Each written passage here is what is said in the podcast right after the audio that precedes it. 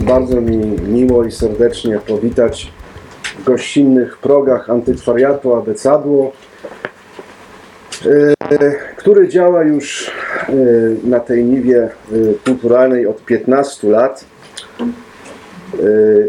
Może ja pokrótce wymienię nazwiska osób, które są związane z antykwariatem Abecadło, który mieści się w zabytkowej aptece pod Aniołem Stróżem.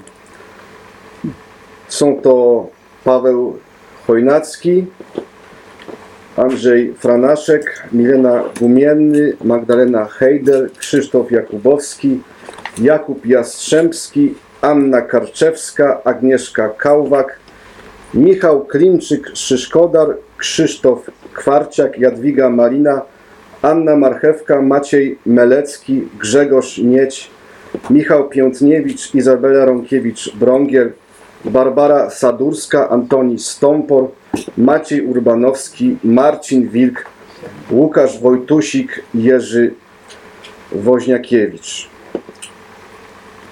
To spotkanie i w ogóle spotkania w antykwariacie, y, które już dzieją się y, od 15 lat, zainaugurowaliśmy to y, spotkanie mm, po, y, z okazji, znaczy to głupio powiedzieć z okazji, ale wtedy, kiedy umarła Wisława Szymborska, wtedy został na ulicę Ditla zaproszony profesor Wojciech Ligenza i tak rozpoczął się ten cykl spotkań y, kulturalnych, które dzisiaj są możliwe dzięki wsparciu Ministerstwu Kultury i Dziedzictwa Narodowego, Instytutu Książki, Miasta y, Literatury UNESCO Kraków oraz Krakowskiej Księgarni na Medal.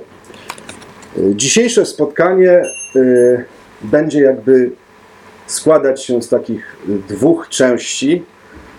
Pierwsza część będzie poświęcona najnowszej książce Andrzeja Franaszka, y, świetnego krytyka literackiego, y, autora takich książek jak y, Przepustka z piekła czy Ciemne źródło szkice o twórczości Zbigniewa Herberta oraz dwóch znakomitych monumentalnych biografii y, Miłosza oraz Herberta.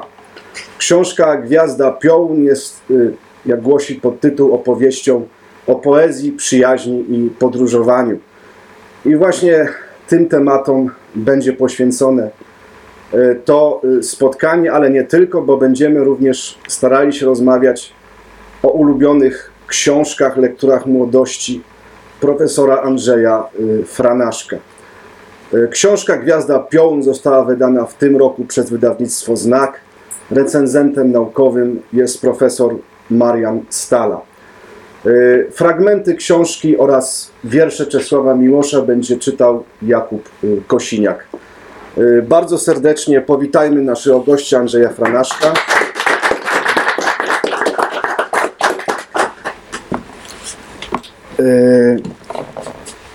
Panie, y, panie profesorze, y, myśmy już wymienili ze dwa maile, Może posuniemy się dalej i na przykład przejdziemy na tym, ale a Michał, bardzo mi miło.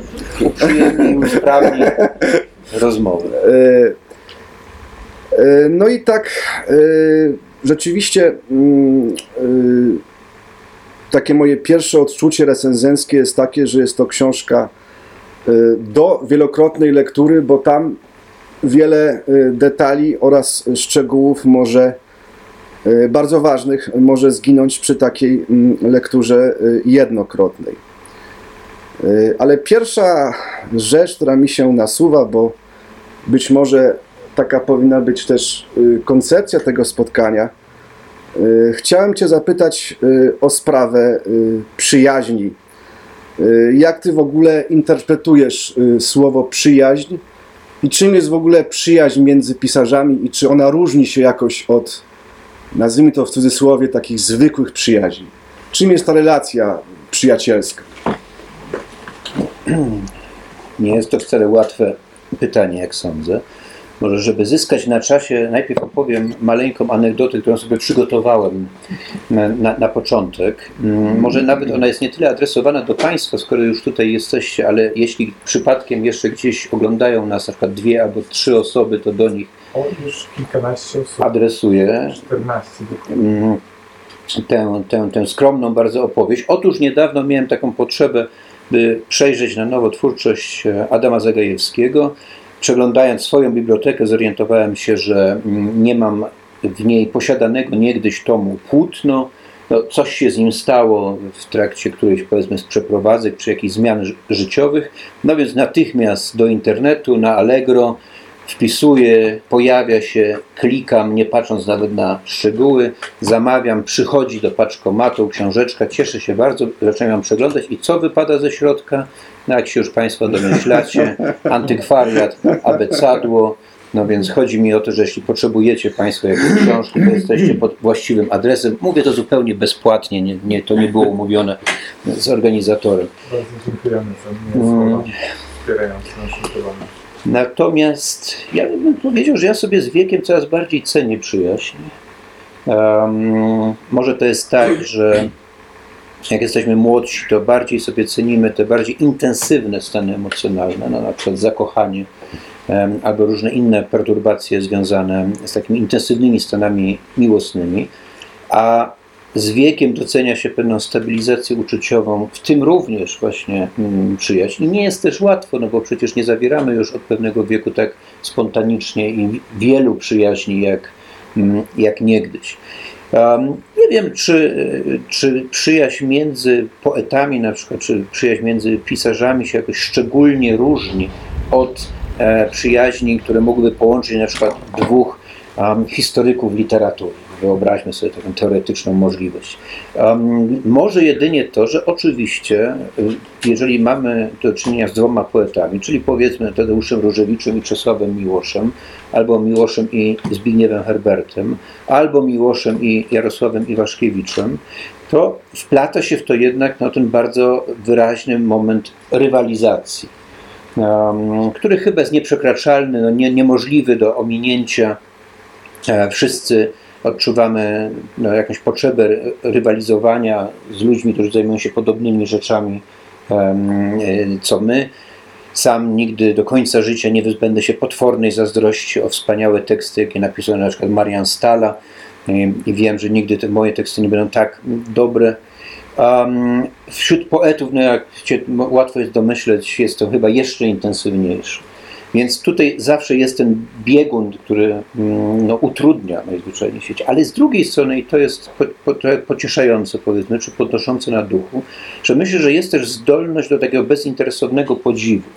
Ja już niejednokrotnie miałem okazję o tym em, mówić, no więc trochę się zapewne powtarzając, powiem, że jakoś zawsze mnie cieszyły takie chwile, kiedy na przykład Zbigniew Herbert, który w latach 90. oskarżał Miłosza no, o brak patriotyzmu, właściwie niebycie prawdziwym Polakiem, o wiele innych takich ideowych mm, zdrad, nazwijmy to w ten sposób, to jednak potrafił przekroczyć ten gniew, a trochę też zaślepienie, e, mówiąc, ale jednak to jest wielki poeta. Ja się dzięki jego wierszom nauczyłem bardzo dużo. Albo są takie chwile, kiedy powiedzmy Czesław Miłosz czyta jakiś tom Jarosława Iwaszkiewicza, jakiś konkretny wiersz go porusza i wysyła kartkę e, z Ameryki do, na stawisko, żeby o tym mm, dać znać. Czy też na przykład E, czy też na przykład Herbert, proszę bardzo, też po, po Noblu do Miłosza gratuluję mu. Także są takie, no o, albo jeszcze jeden e, bardzo piękny naprawdę przecież e, moment, kiedy Czesław Miłosz, który twórczość Różewicza oceniał bardzo różnie, bo to był i entuzjazm, i jednak też zdecydowane potępienie, ale czyta jeden z wierszy, taki maleńki tren, można powiedzieć, o końcu życia autorstwa Różewicza, no i później pisze, że to jest taki wiersz, dla którego warto życie przeżyć, żeby taki wiersz napisać. Więc jest biegun no, takich nieraz gwałtownych namiętności, zazdrości, gniewu, rozczarowania, ale jest też biegun zachwytu, no i to, to jest ta jasna, trochę banalnie mówiąc, strona. No bo też y, z tym pytaniem wiąże się zagadnienie czasu, y, w jakim te przyjaźnie mm, mm, dojrzewały, zaczynały się, mm, a potem kończyły, a potem y, znów jakby na przykład Herbert z Miłoszem na, na końcu do siebie jakby po, powrócili, a chodzi mi to o kwestię komunikacji. Y, Mianowicie to, te przyjaźnie, bo, pa, bo badasz jakby y, sprawę z punktu widzenia historyka literatury, który jakby jeszcze w tym czasie nie ma tego, co jest dzisiaj w komunikacji, czyli internetu, prawda? Nie ma tych wszystkich maili, nie ma tak bardzo ułatwionej komunikacji. Internet, jak wiadomo, jest takim wielkim bazarem, targowiskiem, gdzie wszyscy handlują ideami. Y, A tamten świat, który ty opisujesz, był nieco inny i, i, i, właśnie y, nasuwa się pytanie y, o przyjaźń w tamtym czasie. Y, To znaczy taką przyjaźń y, nieco. Y, Czy, czy po prostu istota przyjaźni jest niezmienna y, w, w, w tym sensie, że, że oni właśnie korespondowali, ty badałeś archiwa, y, przy, przychodziłeś do, do, do, do, do, do, do, do, do, archiwum. Dzi- dzi- Dzisiaj jakby w, w tym świecie y, pytanie jest właśnie, czy jest możliwa przyjaźń w ogóle literacka w tym świecie obecnym, który jest właśnie światem internetu, jest zupełnie zmienionym światem, można powiedzieć. A, a, a, a badasz jakby świat sprzed jeszcze tej rewolucji internetowej, gdzie były listy, gdzie były spotkania, gdzie, gdzie, gdzie to wszystko odbywało się y, w nieco bardziej spowolnionym tempie. Y, Moje pytanie jest o czas, y, o sposób komunikacji, że to był jednak sposób komunikacji, no powiedzielibyśmy dzisiaj nieco anachroniczny, prawda? I czy bliska, czy jest tego rodzaju przyjaźń, taka, na- nazwijmy to w cudzysłowie, przyjaźń anachroniczna, nie maile, nie komórki, nie i tak dalej, tylko właśnie to, to co opisujesz, takie jest, można powiedzieć, y, w, spo- w spowolnionym tempie się odbywa, gdzie ci wszyscy ludzie mają taki nadmiar takiego wincensowskiego czasu, gdzie mają po prostu tego czasu więcej. No, myślę, że to są jednak dwie trochę różne rzeczy. E, Jedna to jest kwestia na pewnej esencji uczucia, o które, e, o które pytasz. Nie sądzę, żeby dzisiaj e, taki czy inny poeta lub poetka, powiedzmy na przykład nie wiem, krakowska poetka Małgorzata Lebda, przyjaźniąc się na przykład, tak sobie to trochę wymyślam, ze swoją powiedzmy serbską na przykład tłumaczką, żeby one nie mogły się przyjaźnić w taki sam mniej więcej sposób, w jakim w swoim czasie przyjaźnił się mm, Zbigniew Herbert z Petarem Wójciszem, swoim tłumaczem em, e, właśnie. To, to są uczucia, które jednak zaryzykowałbym tą mało odkrywczą konstatację, chyba są względnie niezmienne lub podobne od zarania ludzkości i po prostu dotyczą człowieka jako takiego. Druga sprawa, o której mówisz, to są oczywiście środki komunikacji. To jest zupełnie inna mm, historia. Mnie się wydaje, znaczy jakoś zgadzam się z takimi hipotezami, że jednak nasza ta masowość i szybkość komunikacji przy wszystkich wygodach, jakie są z tym związane, ona wpływa na uproszczenie e, przekazu, na rozmienienie właśnie jakby od przejścia no, po prostu z, z, z, z jakości na ilość. Choć może nie dotyczy to wszystkich, ale wydaje mi się, że przeciętne nasze komunikowanie się stało się bardzo pobieżne, ponieważ jest nieustanne. No, też parę razy już miałem okazję dzielić się taką e, refleksją, słuszną czy nie, mnie się wydaje, że słuszną, że niegdyś powiedzmy jadąc na, w jakąś podróż e, wysyłaliśmy może pocztówkę, może jakiś list. Um, jeżeli to był list, to już trzeba było jakoś usiąść, za, zastanowić się, zebrać te wrażenia, skomponować być może lepiej lub gorzej tę opowieść. Natomiast dzisiaj oczywiście, jak wiadomo, no, nieustannie robimy zdjęcia, wysyłamy te zdjęcia. Ktoś, kto, mm, e, od kogo żeśmy odjechali na chwilę, w ogóle właściwie nie ma poczucia jakiegoś rozłąki, nie ledwie, jest po prostu w permanentnej e, komunikacji. Mnie zresztą to właściwie przeszkadza w gruncie e, rzeczy i być może jest tak, że przynajmniej właśnie w takiej masowej skali ta komunikacja się pogarsza, to znaczy zawiera mniej sensu, a więcej jest danych tylko takich mm, związanych z informacją. Ciekawe jest, jak to będzie mogło wpłynąć na faktycznie pracę biografów i zastanawiam się nawet nad pewną konkretną sytuacją. No bo jak, e, jak wiemy, niedawno e, zmarł wspominany tutaj przed chwilą Adam Zagajewski. Z tego co wiem, Biblioteka Narodowa jest zainteresowana no, przejęciem, pozyskaniem w taki czy inny sposób jego archiwum i niewątpliwie jakaś olbrzymia część korespondencji, jaką Adam Zagajewski musiał mm, wymieniać z różnymi adresatami czy też nadawcami, odbywała się z pomocą po prostu e, poczty e-mail. Jak to będzie w takim razie, jeśli e, Biblioteka Narodowa na przykład kupi laptop Adama Zagajewskiego, to w jaki sposób, jeśli w ogóle będzie badaczom tak zwanym, udostępniać następnie te listy mailowe? Czy będzie się wszystkie drukować, powiedzmy, co też jest przecież możliwe, czy będzie wgląd jakiś w kopię zawartości prawda, na, na takim czy innym już powiedzmy serwerze, Um, I tutaj jest jakiś techniczny, najzwyczajniej w świecie, e, problem. Fakt, faktycznie te osoby, którymi ja miałem szczęście i zaszczyt się do tej pory zajmować, wymieniały jednak przede wszystkim listy papierowe, no i to jest wspaniałe dla biografa, w każdym razie ja sobie to niezwykle, e, niezwykle cenię. Natomiast no, im jesteśmy bliżej współczesności, tym większa jest obecność maili i zapewne SMS-ów, no i Ciekawe byłoby na przykład zadać sobie takie hipotetyczne pytanie, czy powiedzmy autorka biografii Jerzego Pilcha, Katarzyna Kubisiowska, zaglądała kiedyś w zasób SMS-owy telefonu tego mm, świętej pamięci e, prozaika i czy to było jakieś źródło. Ale jeszcze jedno zdanie. Myślę, że tak naprawdę takie osoby, no właśnie, które mają z- świadomość tego, co robią e, i są też pisarzami, więc tym bardziej są nakierowani na, na, na refleksję nad słowem, no to jednak niezależnie od tego, czy by pisali niegdyś mail piórem, powiedzmy Watermanem, e, czy dzisiaj, e, niegdyś list piórem, czy dzisiaj mail, prawda, w swoich MacBookach Pro, to jednak myślę, że starają się po prostu pisać sensowne i ciekawe listy. Czyli chodzi, no, bo tutaj mi się nasuwa kwestia, kiedyś y, Wiesław Myśliwski zasugerował, żebym napisał do niego list, ale taki odręcznie pisany y, piórem czy ołówkiem, już nie pamiętam, w każdym razie ja nie potrafiłem tego zrobić.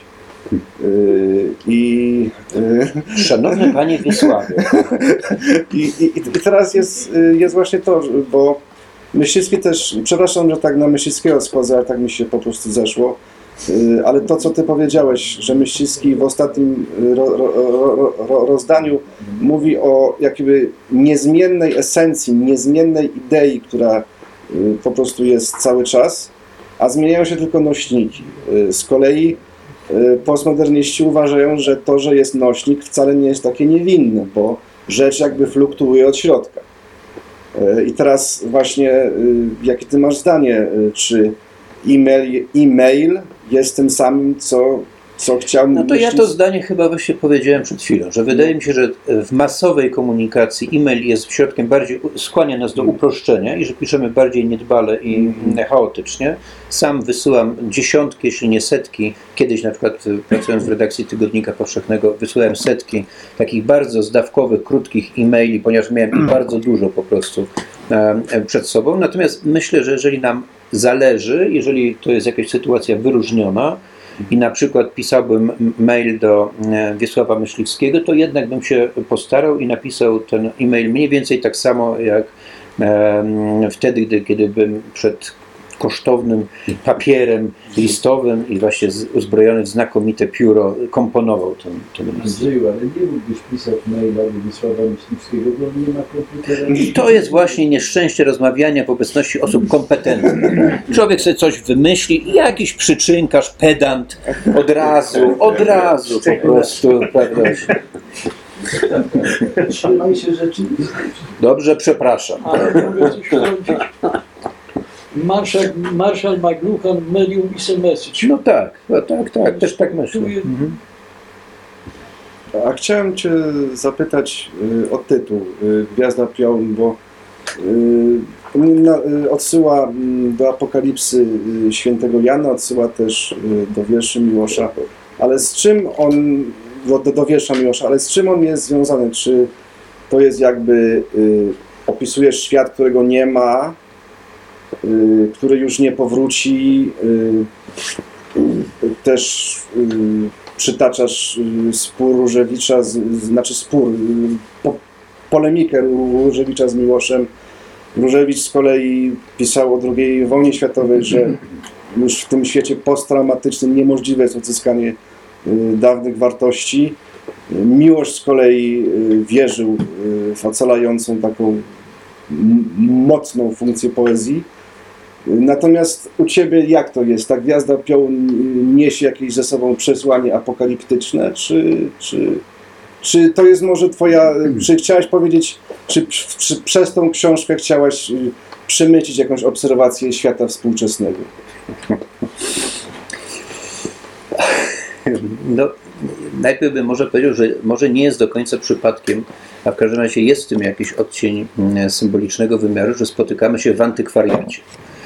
Mm, Skądinąd uprzytomniłem sobie przed chwilą, że mm, przecież nazwa Antykwariat pod Aniołem Stróżem to jest gotowy tytuł opowiadania. Jeszcze niestety trzeba dopisać to opowiadanie, no ale może tutaj na przykład będzie kiedyś taka książka wspomnieniowa pod, takim, mm, pod takim tytułem. Chcę powiedzieć, że oczywiście tak naprawdę uważam, że duża część niestety ze spraw, które dla mnie są e, bardzo istotnie, bliskie mi, ważne, także ważne, że tak powiem, emocjonalnie, czyli na przykład dzieło Czesława Miłosza e, i postać Czesława Miłosza, że oczywiście w dużym stopniu to jest rzeczywistość, która przesuwa się, odsuwa się od nas w czasie i gdzieś powoli znika za, za horyzontem, albo też używając innego rodzaju metafory, no powoli tak się zapada w, głę, w głębie morza, jak, no oczywiście jak Atlantyda. Mówiąc to w obecności tutaj osób programujących Festiwal Miłosza, wiem, że lada moment em, będziemy mieli kolejną edycję tego e, festiwalu, będą spotkania, jak to zwykle dyskusje i że to oczywiście świadczy o o istnieniu, e, o pamięci i o istnieniu tej, tej postaci. Przykładowo tej postaci, bo tu możemy mówić o innych z tej, tej książki, jak właśnie czy o Różewiczu, czy o Czapskim, który akurat teraz przeżywa pewnego rodzaju właśnie renesans, czy wręcz jakiś rodzaj apogeum zainteresowania. I że oczywiście są takie wydarzenia jest jakaś taka część społeczeństwa, która się tymi postaciami, tymi sprawami interesuje. Ale wiem też, że mam zajęcia ze studentami polonistyki, e, którzy na przykład kończą tak zwany pierwszy stopień tych studiów i już piszą prace licencjackie i na moje takie niewinne, jak mi się wydaje z początku pytanie, co oni wiedzą na temat Czesława Miłosza, no to okazuje się, że to co wiedzą, to jeszcze pamiętają ze szkoły średniej wiersz Campo di Fiori, wiedzą, że był laureatem Nagrody Nobla i to jest jakby e, e, wszystko. Kiedy ja kończyłem liceum, zaczynałem em, e, studiować polonistykę, no to Miłosz był obecny, przyjeżdżał najpierw do Krakowa, potem w nim zamieszkał, nieustannie ukazywały się jego nowe książki, było coś całkowicie jasne dla mnie i oczywiście dla bardzo wielu innych osób, mm, że no chcemy go czytać, to jest, to jest ważne, prawda, że to jest po prostu coś, co, czym się żyje, dyskutuje o tym, zgadza lub nie, nie zgadza, ja w moim przypadku raczej zgadza, zgadzałem się oczywiście. Natomiast dzisiaj to, ten świat jest gdzieś indziej, no trochę właśnie w antykwariacie, trochę w archiwum, Być może e, z tej przestrzeni będą jakieś powroty. No, uważam, że takim przykładem powrotu jest Jarosław Iwaszkiewicz, który z kolei właśnie dla mnie znów, e, kiedy zaczynałem studia, był taką postacią z PRL-u, o ciekawostko, obłożoną pewnym rodzajem takiej niepamięci już, prawda, anatemą lekką, no bo traktowany jako konformista e, i no nieledwie, że tak powiem, aparatczyk, to już teraz trochę wyjaskrawiam to. No a dla mnie na przykład, ale oczywiście znów nie tylko dla mnie, na przykład lektura dzienników Iwaszkiewicza, potem powroty do jego twórczości najrozmaitszej, biografia też Radosława Romaniuka, no są takimi przykładami tego, że z tego właśnie względnego tak zwanego czyśćca można, można powracać. Być może tak będzie też e, z innymi bohaterami tej książki. Ale wydaje mi się też, i mówię to mm, no, z, z, doda- z takim dodatkiem, że jednak w gruncie rzeczy niestety, to znaczy, że też niestety wiele z tych spraw, o których starałem się pisać w Gwieździe Piołun, e, pisać oczywiście idąc w ślad Miłosza, Gombrowicza, Różewicza, Iwaszkiewicza, Czapskiego, czyli czytając to, co oni napisali, komentując to, starając się rozumieć em, czasem ewentualnie polemizować, a też przede wszystkim może patrzeć, jak zderzają się ich poglądy ze sobą, em, że cała e, konstelacja rozmaitych tematów wcale nie jest, nie należy do przeszłości, że ona jest, nadal nas jakoś de- determinuje, e, że nadal spory o polskość, o polską tożsamość, o to, czy Polak jest z przyrodzenia zaściankowym, prymitywnym, zamkniętym nacjonalistą, czy też może nie jest wcale, mm, e, wcale tak, że to nie są e, ani zamknięte mm, tematy, e, nie- nie są zamknięte tematy, a nawet co więcej są one na nowo dzisiaj e, e, ważniejsze. Dzisiaj od paru lat, dzisiaj kiedy mamy taką bardzo mocną polaryzację społeczeństwa, jeżeli chodzi o e, poglądy e, polityczne, kiedy rozmaite postawy, także mm, takie skrajne postawy, no typu powiedzmy nie, Młodzież Wszechpolska czy Obóz Narodowo-Radykalny przestały być jakimiś pojęciami ze podręczników historii, które wydawały nam się całkowicie już nie, nie dotyczące współczesności, a teraz mm, mm, wracają. No albo też na przykład możemy użyć tego oczywistego przykładu. Ja jeszcze, jak y, tę książkę mm, y, kończyłem, oddawałem do wydawnictwa Znak, pisałem wstęp. Oczywiście ten wstęp pisałem trochę wcześniej niż, niż w, w, ostatniej, w ostatniej chwili. No to w tym wstępie e, napisałem jakieś takie zdanie, że żyjemy w, w tym zakątku kontynentu europejskiego, który chwilowo, szczęśliwie nie jest wstrząsany wielkimi konfliktami zbrojnymi czy em, politycznymi. No i oczywiście doskonale wiemy, że tak się akurat złożyło, że kilka miesięcy później Rosja zaatakowała Ukrainę. Dzieją się dziś rzeczy, e, które nami wstrząsają, e, mnie w każdym razie bardzo emocjonalnie angażują. Mm, a które, tak mówiąc do znów banalnie, wydawałoby się nam, że w XXI wieku w naszej części świata są niemożliwe. No otóż są, jak widać, doskonale możliwe i to też może zmieniać, mm, tak mi się wydaje, czasem e, też na przykład myślenie o literaturze, myślenie o poezji, czy pewne wartości, które były kluczowe, bardzo ważne w każdym razie na przykład dla Herberta czy Miłosza, poezja jako dążenie do prawdy, jako wypowiadanie prawdy, poezja, za którą znajduje się właśnie wiara w istnienie prawdy. Także poezja, która wypowiada los skrzywdzonych, bitych, która opowiada się po stronie przegranych, która odnosi się też do polskiej historii, która jak wiadomo oprócz różnych koszmarów, które sami sobie my Polacy fundowaliśmy, no jest też oczywiście bardzo mocno znaczona klęskami, nieszczęściami nie przez nas mm, zawinionymi. E, Czy więc taka poezja, a nie poezja mówiąca albo będąca na przykład grą językową, albo mówiąca o najbardziej osobistym doświadczeniu, no więc czy tamten model poezji nie stanie się znów bliższy naszej mm, współczesności? Używając jakiegoś bardziej może konkretnego przykładu, mm, nagrywałem niedawno y, rozmowę mm, do takiej audycji w radiu y, TOK FM prowadzonej przez pana Grzegorza Sroczyńskiego. E, No i rozmawialiśmy mm, przez chwilę o, o no oczywiście o przesłaniu pana Kogito.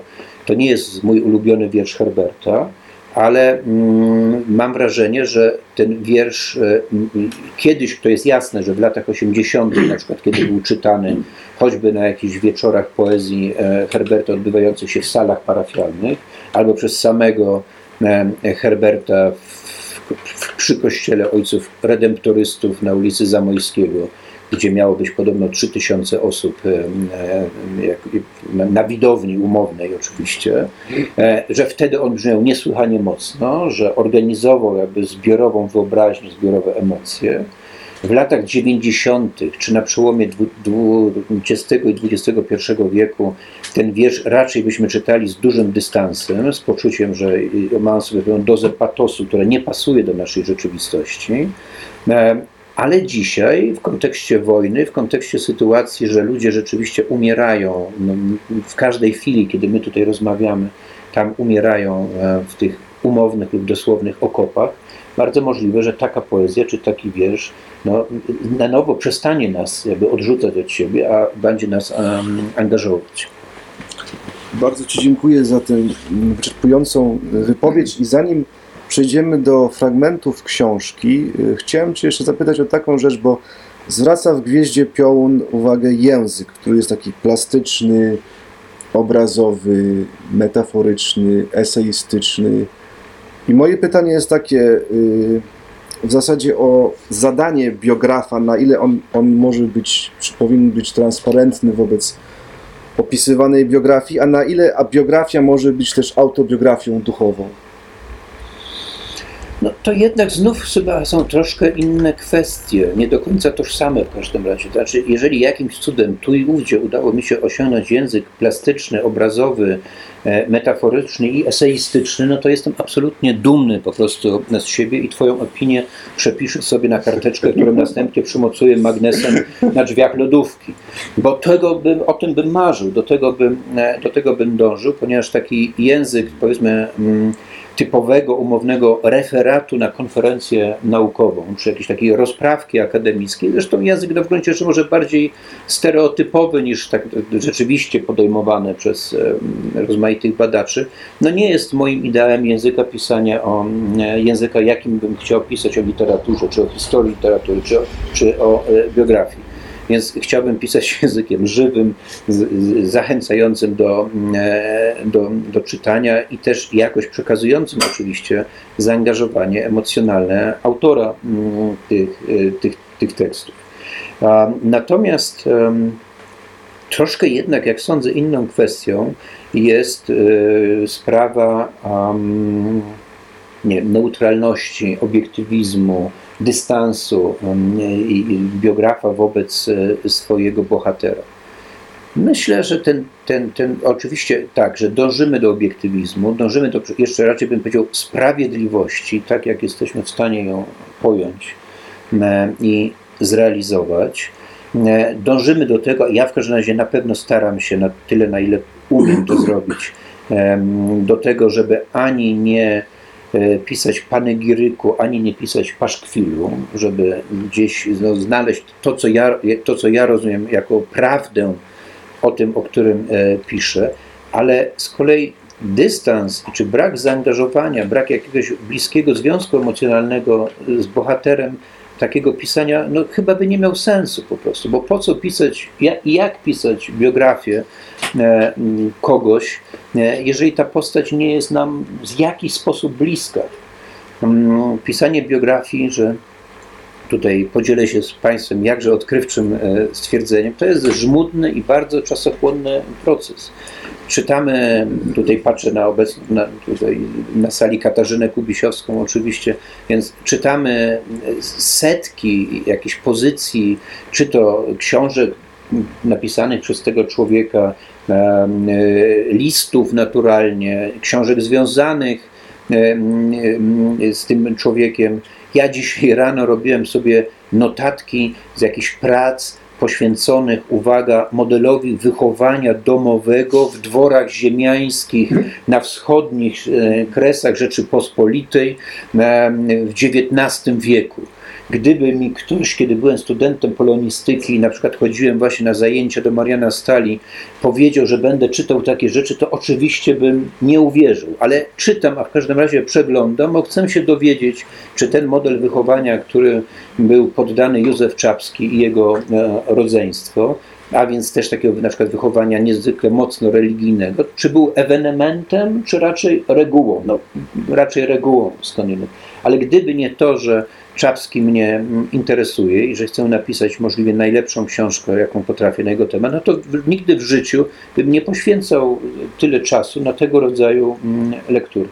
Innymi słowy, myślę, że nie ma, mm, e, nie ma innej możliwości, jak jednak pewien intensywny związek e, e, biografa czy biografki e, z tym, o kim ta osoba pisze, Aczkolwiek proponowałbym, znaczy myślę też, że jednak lepiej jest nie przekraczać pewnej granicy. Czasem czytamy takie biografie, które nam się jakby wydaje, jakby autorka czy autor no właściwie trochę się wcielał w tę postać, prawda? Jakby mm, wie, co myślała w danej chwili taka osoba.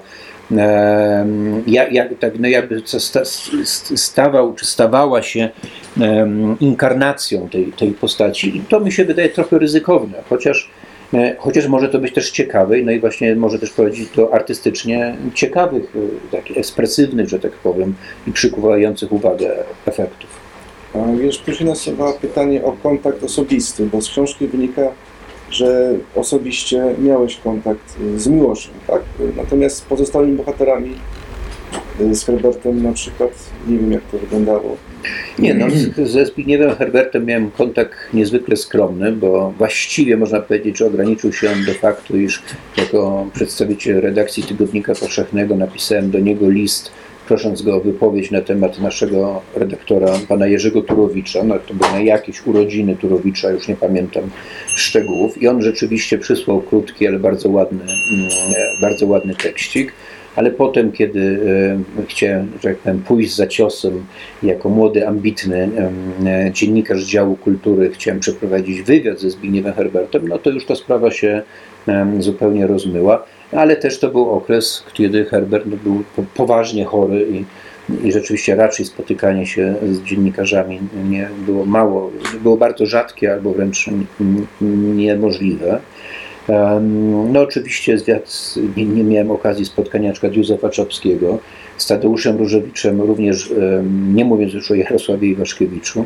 E, Z Tadeuszem Różewiczem znów wymieniałem jakieś mikrokorespondencje oraz dzwoniłem do niego, usiłując go namówić, żeby napisał do Tygodnika Powszechnego o baśniach swojego dzieciństwa.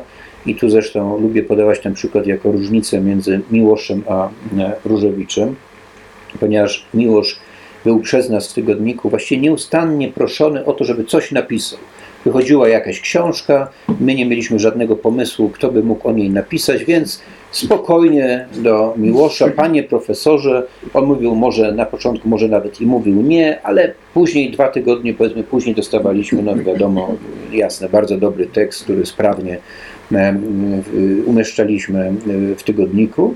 A kiedy natomiast właśnie był taki cykl e, o baśniach, bajkach, które różni ludzie czytali w dzieciństwie, no na przykład Marek Bieńczyk o Winetu pisał wtedy, e, a Stefan Chwin e, chyba o kapitanie Nemo, em, no to też się zwróciłem do, do Tadeusza Różewicza, dzwoniłem, jak, jak sądzę, do niego, albo najpierw pisałem, a potem dzwoniłem. On e, powiedział, e, że zastanowi się, żebym zadzwonił za jakiś czas. Zadzwoniłem za jakiś czas, powiedział, że właściwie tak napiszę o zbóju Madeju i żebym zadzwonił za jakiś czas, powiedzmy za miesiąc.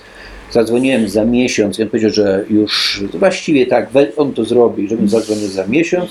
Zadzwoniłem za miesiąc, powiedział, że właściwie to już napisał pół strony na odwrocie mojego listu, ale zgubił niestety ten list. No i nie ma tego tekstu po prostu. I żebym zadzwonił za kolejny miesiąc, no a potem już w ogóle nic z tego nie wyszło. Skądinąd, jak niedawno mm, pracowałem w archiwum Tadeusza Różewicza w Ossolineum, miałem nadzieję, że znajdę tam ten list. Niestety go rzeczywiście nie było. Był tam jakiś bałwochwalczy liścik ode mnie, e, ale nie ten. I nic na odwrocie też nie było, mm, nie było napisane. Natomiast Czesława Miłosza E, No chyba mam prawo powiedzieć, że rzeczywiście znałem. Em, Moi starsi koledzy, na przykład Jerzy Ilk, tam na kanapie, jak zwykle na kanapie mm, e, sie- siedzący, e, wprowadził mnie trochę, e, a nawet zdecydowanie mnie wprowadził w świat e, Czesława Miłosza. E, No i trochę byłem takim akolitą, trochę gońcem z Tygodnika Powszechnego, potem już jednak trochę też współautorem rozmów e, z, z, z Miłoszem. No a wreszcie e, z kolei e, Joanna Ilk wymyśliła, nie wiedzieć czemu zresztą, żebym napisał biografię Czesława Miłosza, czego ja się ochoczo podjąłem z pewnych e, względów, czyli po to, żeby nie pisać doktoratu, tylko móc pisać coś innego. No, Miłosz się na to zgodził, no i rzeczywiście jakoś zacząłem nad tym, nad tym pracę, a, a finał tej pracy był już tylko jakieś głupie 10 lat później. Tak. Ale żeby była jasność, to jeszcze może, bo opowiadam to w tonacji takiej anegdotyczno-dowcipowej, natomiast myślę, a nawet jestem głęboko przekonany, że jeśli, już nie pierwszy raz też to mówię, nie jest to może szczególnie interesujące, ale dla mnie osobiście ma to duże znaczenie, że jeśli chodzi o tak zwane relacje międzyludzkie, czy też spotkania z ludźmi, którzy nie są nie wiem, kobietami, które kochamy, e, dziećmi, e, najbliższymi nam e, osobami, moją żoną, ale jednak troszkę dalsze relacje, to oczywiście w tej kategorii spotkanie, poznanie, jakieś rozmowy Czesła i czytanie też Czesława Miłosza było absolutnie najważniejszym wydarzeniem w moim życiu, którego już nic z całą pewnością w tej kategorii nie jest w stanie mm, przekroczyć. I tutaj może jest dobry moment, żebym się z Państwem podzielił pewnym pomysłem, który mi przyszedł do głowy dzisiaj rano, kiedy sobie szedłem, a nawet biegłem po plantach. Mianowicie, jak Państwo zauważyliście, w ostatnich latach w naszym mieście powstało bardzo wiele pomników. Większość tych pomników jest, reprezentuje bohaterów, że tak powiem, prawej strony sceny e, politycznej, czy historii prawej strony e, e, sceny politycznej. Olbrzymia część z nich jest zresztą kuriozalna, jeżeli chodzi o estetykę. To jest straszne po prostu. To jest jeszcze jeden dowód upadku naszego miasta. No ale to już, to już jest inna sprawa. I pomyślałem sobie, że właściwie powinniśmy dążyć do tego, żeby powstał pomnik Czesława Miłosza. Ja oczywiście nie, nie myślę w ten sposób, że należy zrobić czyjś pomnik i dzięki temu e, na przykład o tej postaci będziemy pamiętać, bo o wiele ważniejsze są książki, publikowanie, rozmowy na ten temat, docieranie jakoś do czytelników, ale jest też coś takiego jak przestrzeń symboliczna. Jeżeli mamy w Krakowie wiem, gigantyczny łuk e, dla pułkownika Kuklińskiego, to jest po prostu e, okropny. Jeżeli cały nasz kraj jest znaczony pomnikami Jana Pawła II, jeżeli jacyś oszaleli ludzie chcą postawić na ulicy e, Czapskich pomnik Bogdana Smolenia, e, to wydaje mi się, że i pewnie ten pomnik powstanie w dodatku, tak jest to wysoce prawdopodobne, obawiam się, e, to myślę, że warto byłoby, żebyśmy się starali gdzieś na plantach być może o pomnik Czesława Miłosza. Będziemy przechodzić do zagadnień bardziej szczegółowych, ale na, najpierw poprosimy Kubę o przeczytanie fragmentu Gwiazdy Piołun. To fragment takiego podrozdziału pod tytułem Opłatek. Ewa Lipska napomykała niejednokrotnie o głosach zmarłych, które pozostawiła nagrane na taśmie automatycznej sekretarki w domowym telefonie. O tym, że głosy te, kilka przypadkowych zapewne słów, stały się ostatnim, ulotnym śladem czyjejś obecności w jej życiu. Wierząc w korespondencję, nie zdziwimy się zgoła, że w przywoływanym już szkicu Derrida odnaleźć można taki oto pasus. Zjawa mówi. Cóż to może oznaczać?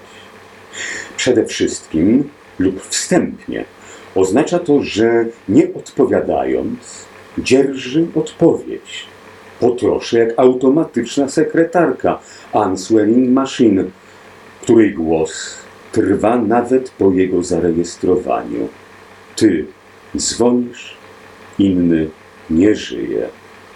I czy go znasz, czy nie, niezwykle precyzyjnie, niekiedy z radością poucza cię, może nawet daje wskazówki, składa za ciebie oświadczenia, adresuje prośby, modlitwy, nakazy.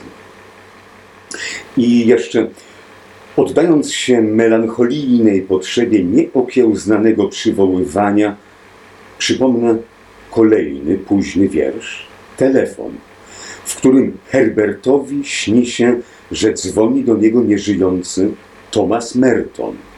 Głos mnicha przed laty wielbiciela wierszy polskiego poety przedziera się z trudem przez nieprawdopodobne zasieki mgły i drutu. Arche, mówi Derrida, określa zarazem początek i nakaz. Dla mnie jest to przede wszystkim nakaz odpomnienia, wsłuchania się w te głosy, które przedzierają się spośród stron archiwum, bo wędrówka pomiędzy jego regałami jest również bezpośrednim zetknięciem się z ekstraktem cudzego życia. Pisząc biografię, nie utożsamiam się, jak czasem chcieliby co bardziej egzaltowani uczestnicy wieczorów autorskich, ze swymi bohaterami. Własnej egzystencji nie zawieszam na haczyku w bibliotecznej szatni. Nie wchodzę w mistyczną komunię, jak chciałaby skromna legenda, którą usłyszałem o sobie mającym połykać wykradziony z listów opłatek. Nie połykam, nie zawieszam, ale dobrze wiem, że nie sposób nie dopuścić do siebie tych wszystkich historii, które napierają, chcą zostać wysłuchane. Dziękuję. Muszę powiedzieć, że gdybym pisał takim głosem, jak ty czytasz, to byłbym z siebie niezwykle zadowolony. A po drugie, chciałem Państwa na wszelki wypadek uspokoić, że akurat w tym fragmencie jest inaczej, ale tak w rzeczywistości w tej książce Jacques'a Derrida nie ma właściwie w ogóle, ani innych tego rodzaju nazwisk. To jest bardzo spokojna, że jak powiem, nieakademicka opowieść dla wszystkich. Więc kontynuujemy nieakademicką opowieść i chciałem Cię zapytać o taką sprawę, która po prostu mnie też samego ciekawi, bo wiemy już tak z tej książki, chciałem Cię zapytać o sprawę religijności, bo wiemy już o religijności Miłosza bardzo silnej, wiemy o tym, co nazwałeś ateizmem oczyszczającym Różewicza, ale ciekawi mnie jest, i sprawa jest dla mnie tajemnicza, jeśli chodzi o religijność Herberta. Jak to było Herberta z, z, z, z byciem religijnym? Po pierwsze, to, to, co się ciśnie na usta, no to jest ta znów dość oczywista konstatacja, że jest niezwykle trudno e, oceniać czyjąś religijność, zamykać ją w jakichś formułach, e, że są to sądy bardzo mm, e, ryzykowne. Um, że są to w gruncie rzeczy może najbardziej intymne, mm, intymne kwestie. Wydaje mi się, że o wiele mniej jakieś trudne do opisywania, czy jak, nie wiem, bulwersujące są szczegóły czyjegoś, e, na przykład nazwijmy to życia intymnego, czy też w każdym razie rozmaitych burzliwych lub nieburzliwych romansów i tym podobnych kwestii. Natomiast takie właśnie kwestie, jak kwestie wiary, no, są szczególnie trudne do jakiegoś e, odczucia, poznania, e, próby e, opisu. O, o tyle jest łatwiej w przypadku e, na przykład Miłosza albo Czapskiego, że oni sami o tych kwestiach pisali w, na różny sposób. Czapski przede wszystkim w swoich em, dziennikach. Ale tu możemy się no, powołać na bardzo wiele fragmentów, stwierdzeń, świadectw jego w przypadku Czapskiego, no, takiej pracy oczywiście introspekcyjnej, autoanalizy, którą on nie, nie, nieustannie właściwie mm, doko- dokonywał. Herbert pisał o takich kwestiach znacznie rzadziej, albo prawie, prawie że w ogóle.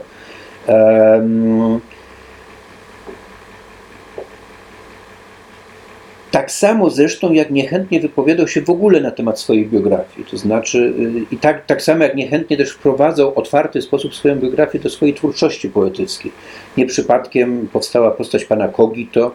To był jeden z pomysłów, jakby takich Herberta, na to, żeby móc mówić o różnych kwestiach, ale nie nadawać tym, tej wypowiedzi takiej charak- charakteru na wypowiedzi osobistej, pierwszoosobowej, zwierzenia, prawda, czy odsłonięcia e, samego e, siebie. Z jakichś powodów, to też oczywiście nie uważam, żebym kiedykolwiek był w stanie całkowicie te powody zrozumieć, opisać, czy tym bardziej osądzić. Z jakichś powodów no po prostu bliska była mu taka potrzeba jednak dystansu, zakrycia się, odejścia gdzieś na, na, drugi, na drugi plan, a na pewno nie, że tak powiem, epatowania, czy takiego ekshibicjonistycznego odsłaniania e, swojego życia wewnętrznego.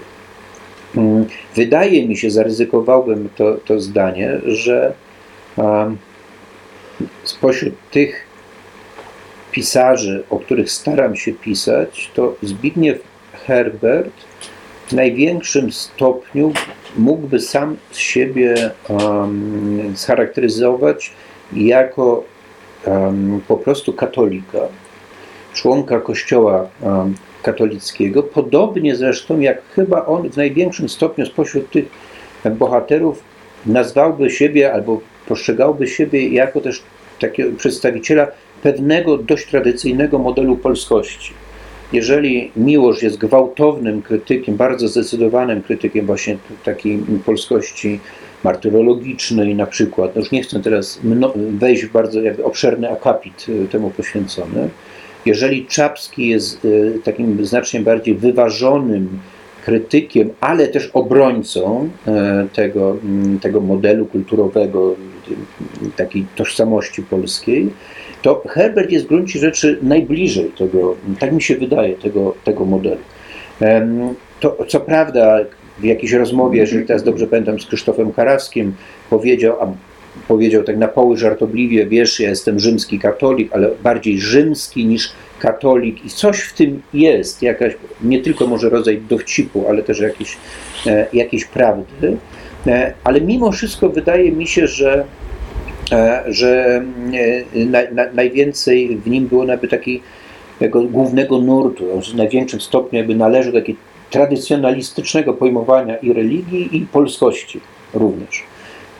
I myślę też, że chyba jednak to może być ryzykowne i może niesprawiedliwe, niesprawiedliwy sąd, że na przykład zainteresowania, powiedzmy, mistyką, e, bardzo ważne i dla Miłosza, i dla Czapskiego, Czapskiego jemu były raczej obce.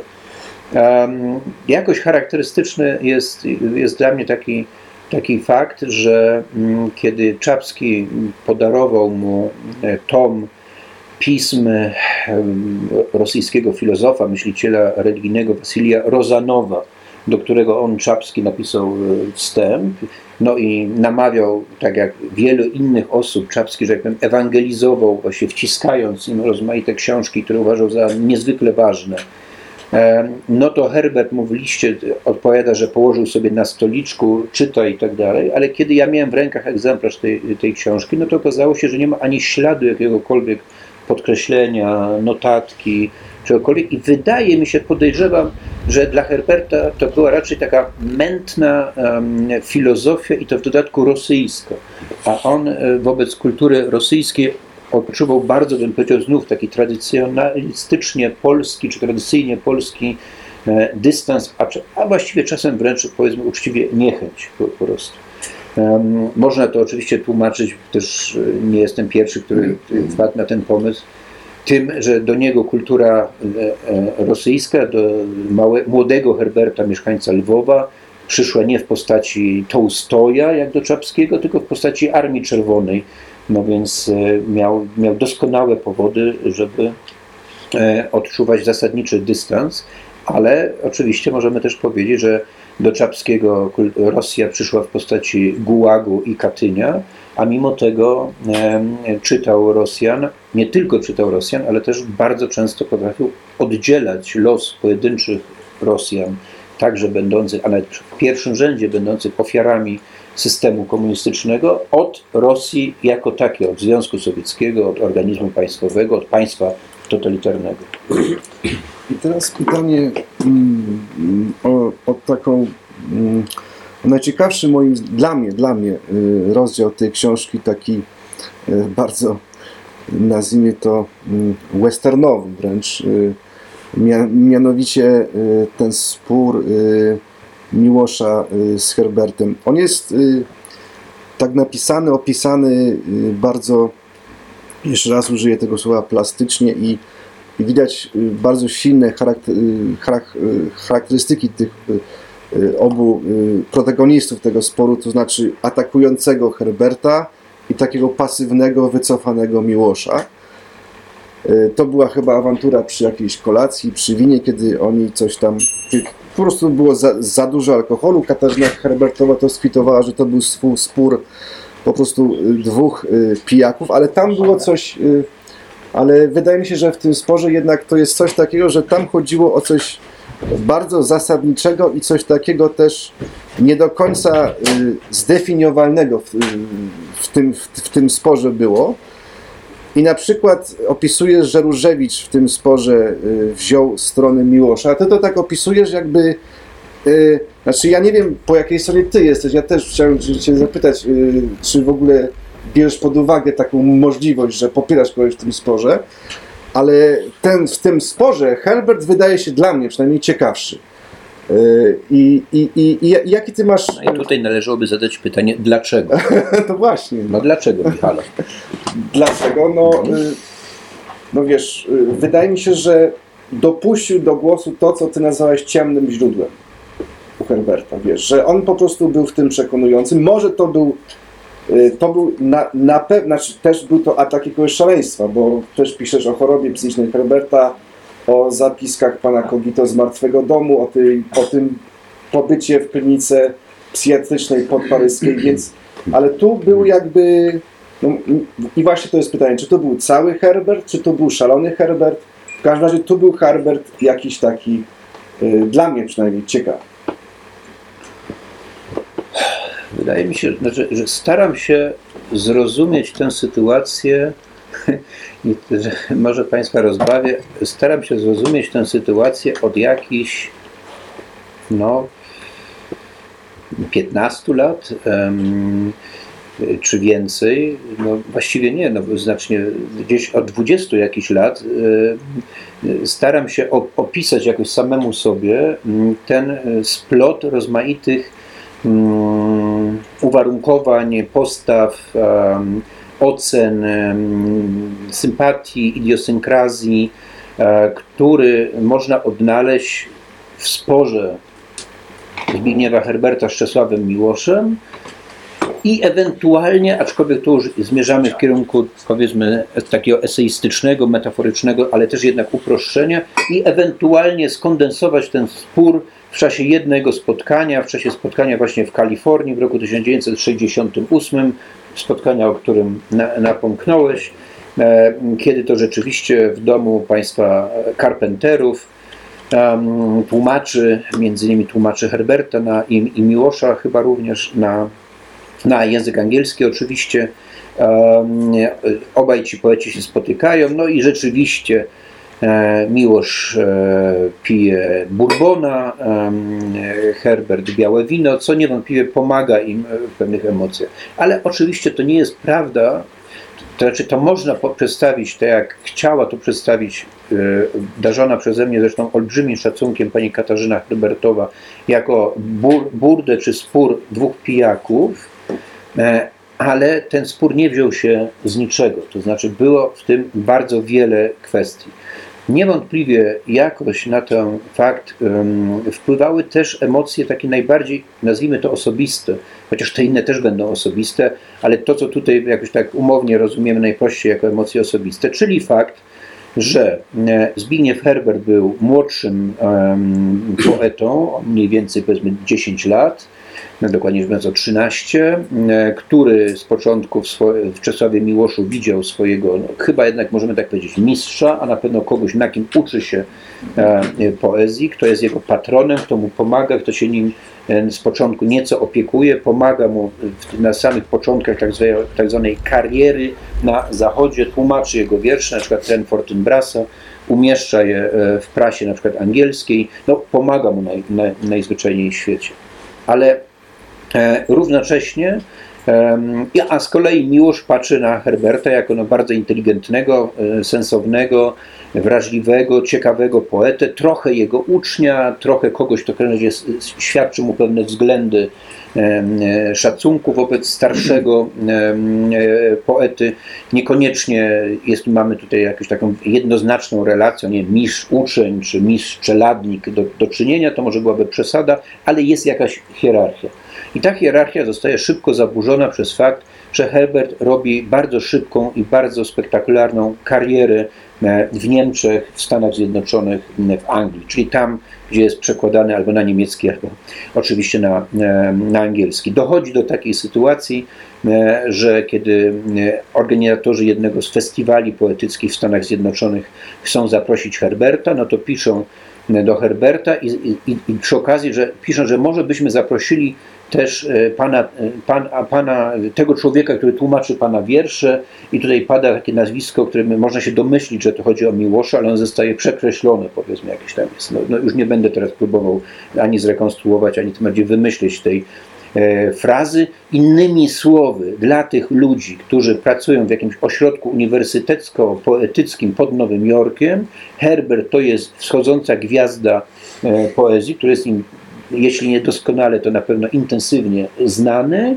a Miłosz jest kompletnie anonimowym człowiekiem, jakimś profesorem z jednego z uniwersytetów o trudnym do wymówienia nazwisku. No i tak się składa, że tłumaczy Herberta, no to może faktycznie byśmy go mm, też e, mm, doprosili. Miłosz sobie z tego w jakimś stopniu, a stopniowo w coraz większym stopniu zdawał sprawę, sam później wspominał, że kiedy właśnie w czasie takiego wieczoru poetyckiego w 1968 roku, który się odbywał pod Nowym Jorkiem, gdzieś za, przedstawiono go na scenie jako tłumacza Herberta, no to miał taki rodzaj przeczucia, że coś się stanie, że, prawda, że ta, sytuacja nie będzie mogła trwać e, e, w taki sposób.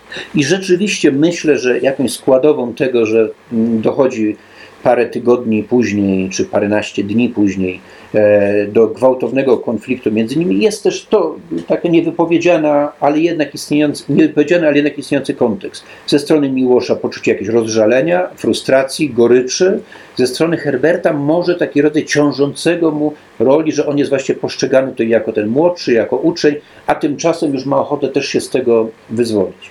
Ale to jest tylko jakaś składowa.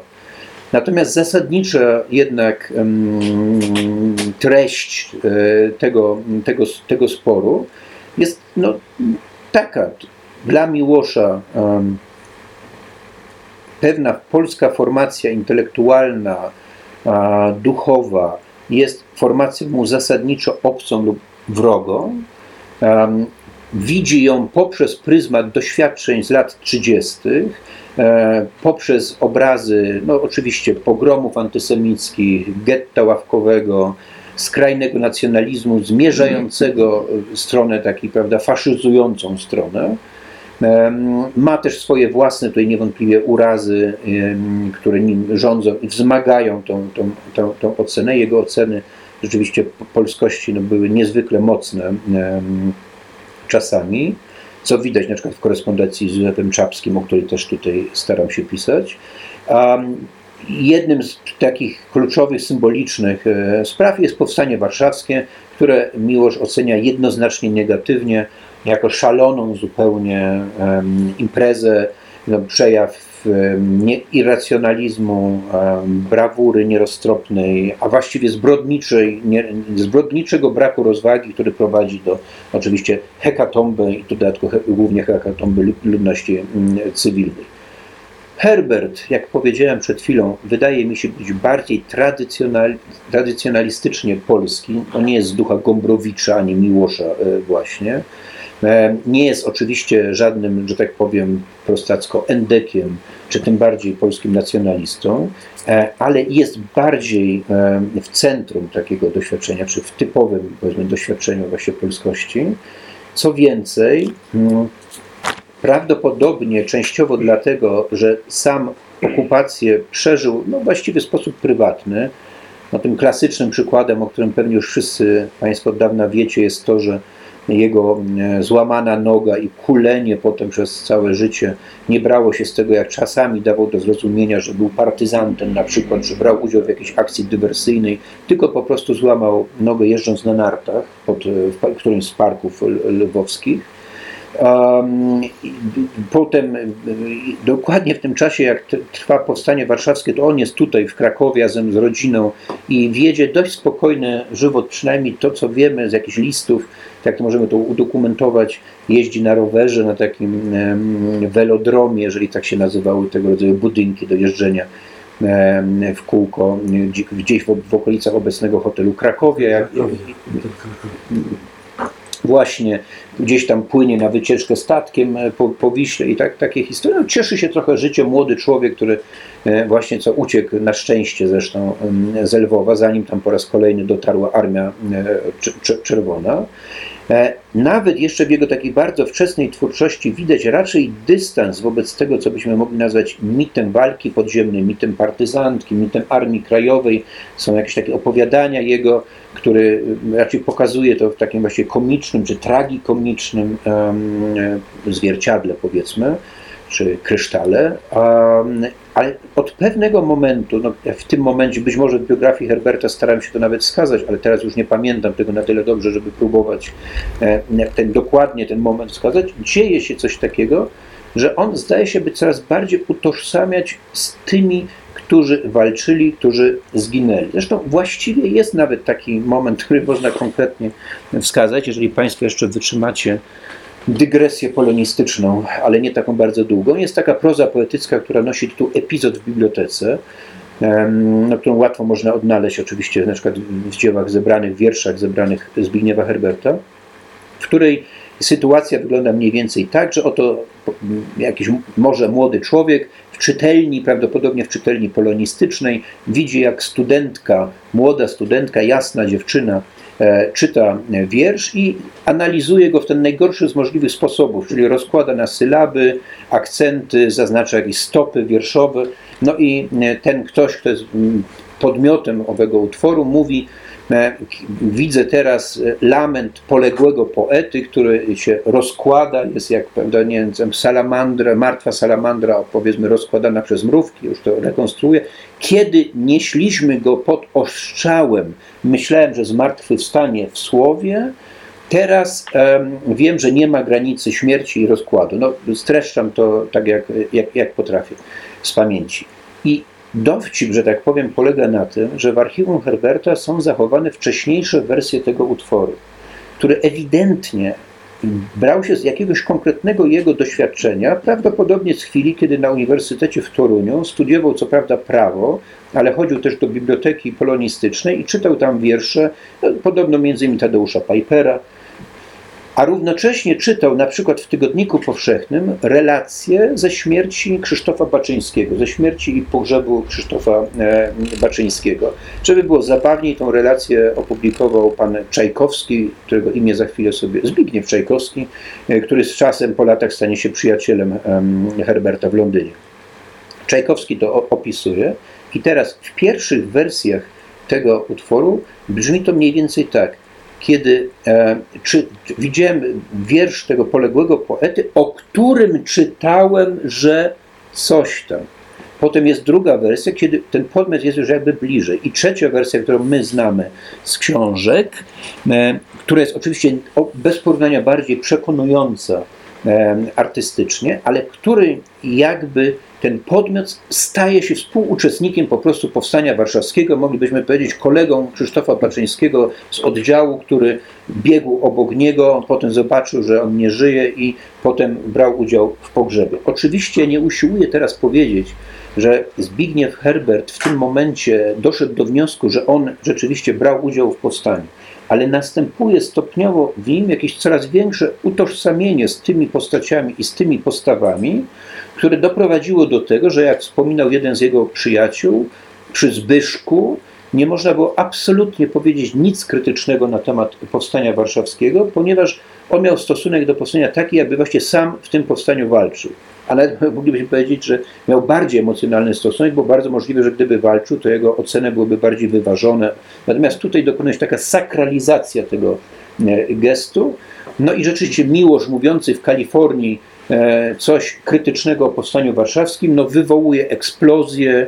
E, Herbert oskarża go o tchórzostwo, o to, że się ukrywał Miłosz pod litewskim, tak zwanym litewskim paszportem, że był dekownikiem i ty nie masz prawa, ty tchórzu, nie masz prawa ich osądzać. prawda?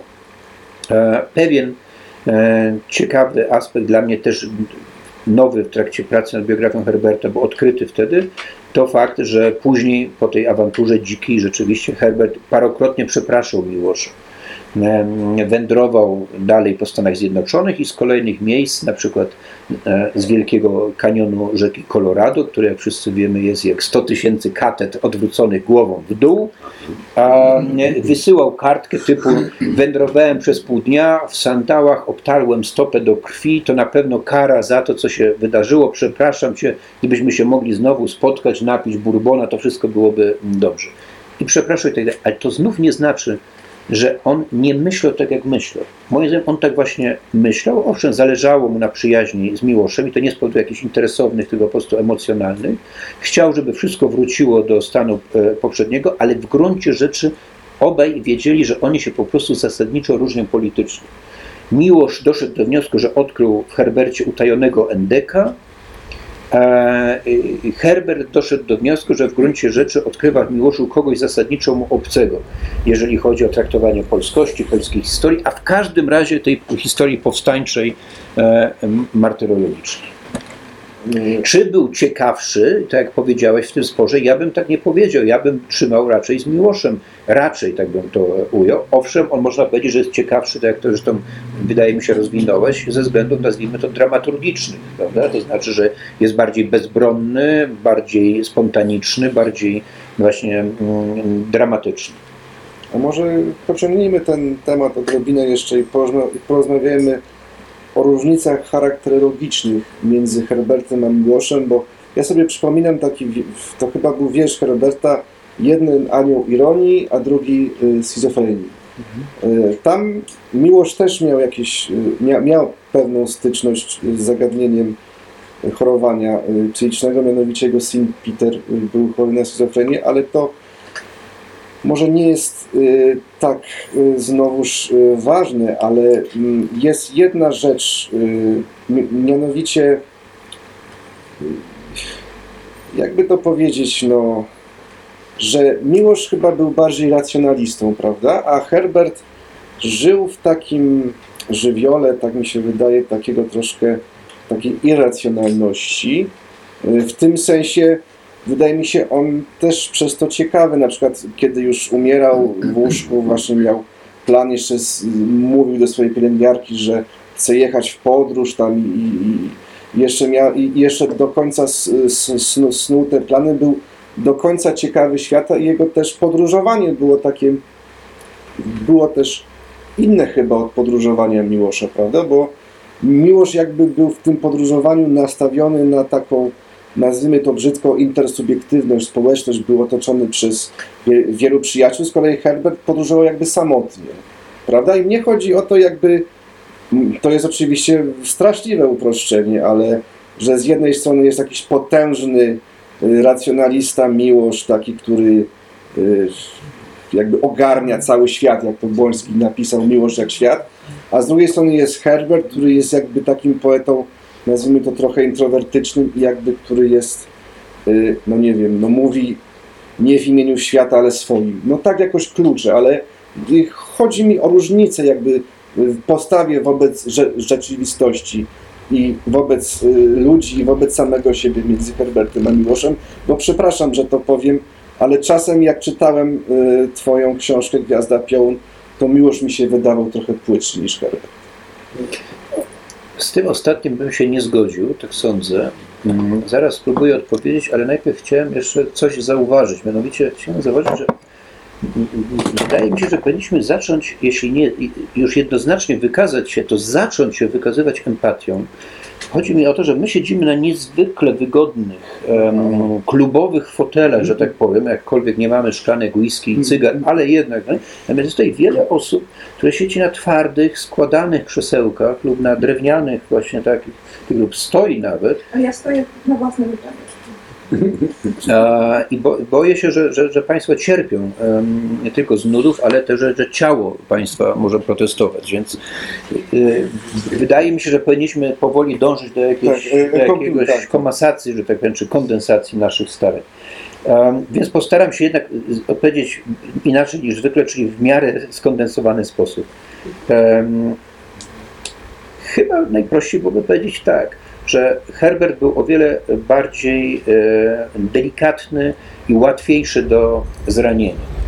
Nadawał sobie zarówno swojej twórczości, e, jak i swoim życiu mm, osobistym, nadawał sobie w jakimś stopniu taki, e, ma, przyjmował maskę, czy przyodziewał taki kostium, powiedzmy to militarny, żołnierski, e, lubił odwołania właśnie militarne, na przykład w wierszach, zwłaszcza w późnych wierszach, kiedy pisze o własnym cielesnym bólu, to stara się go przedstawić właśnie porównując do ataku, na przykład do ataku artyleryjskiego, przepraszam bardzo, a, e, chętnie może widział siebie właśnie w roli żołnierza. E, No wi- wiemy przecież na Boga, że nawet wyrobił sobie pieczątkę, e, na której było napisane, że pułkownik Zbigniew Herbert, dowódca tam samodzielnego szwadronu, powiedzmy, huzarów śmierci.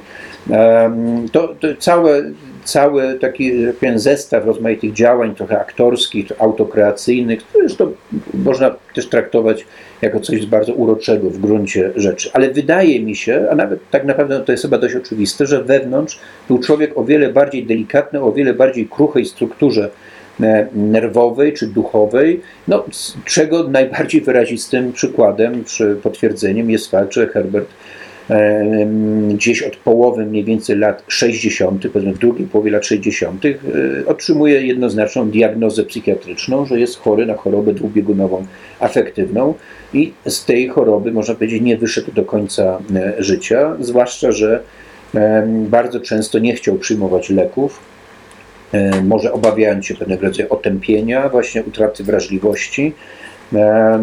No i to, to nie był tylko jeden pobyt, powiedzmy, no, w różnych zakładach psychiatrycznych e, Herbert e, był no, niejednokrotnie i na różnych kuracjach i, i, i, i tak dalej.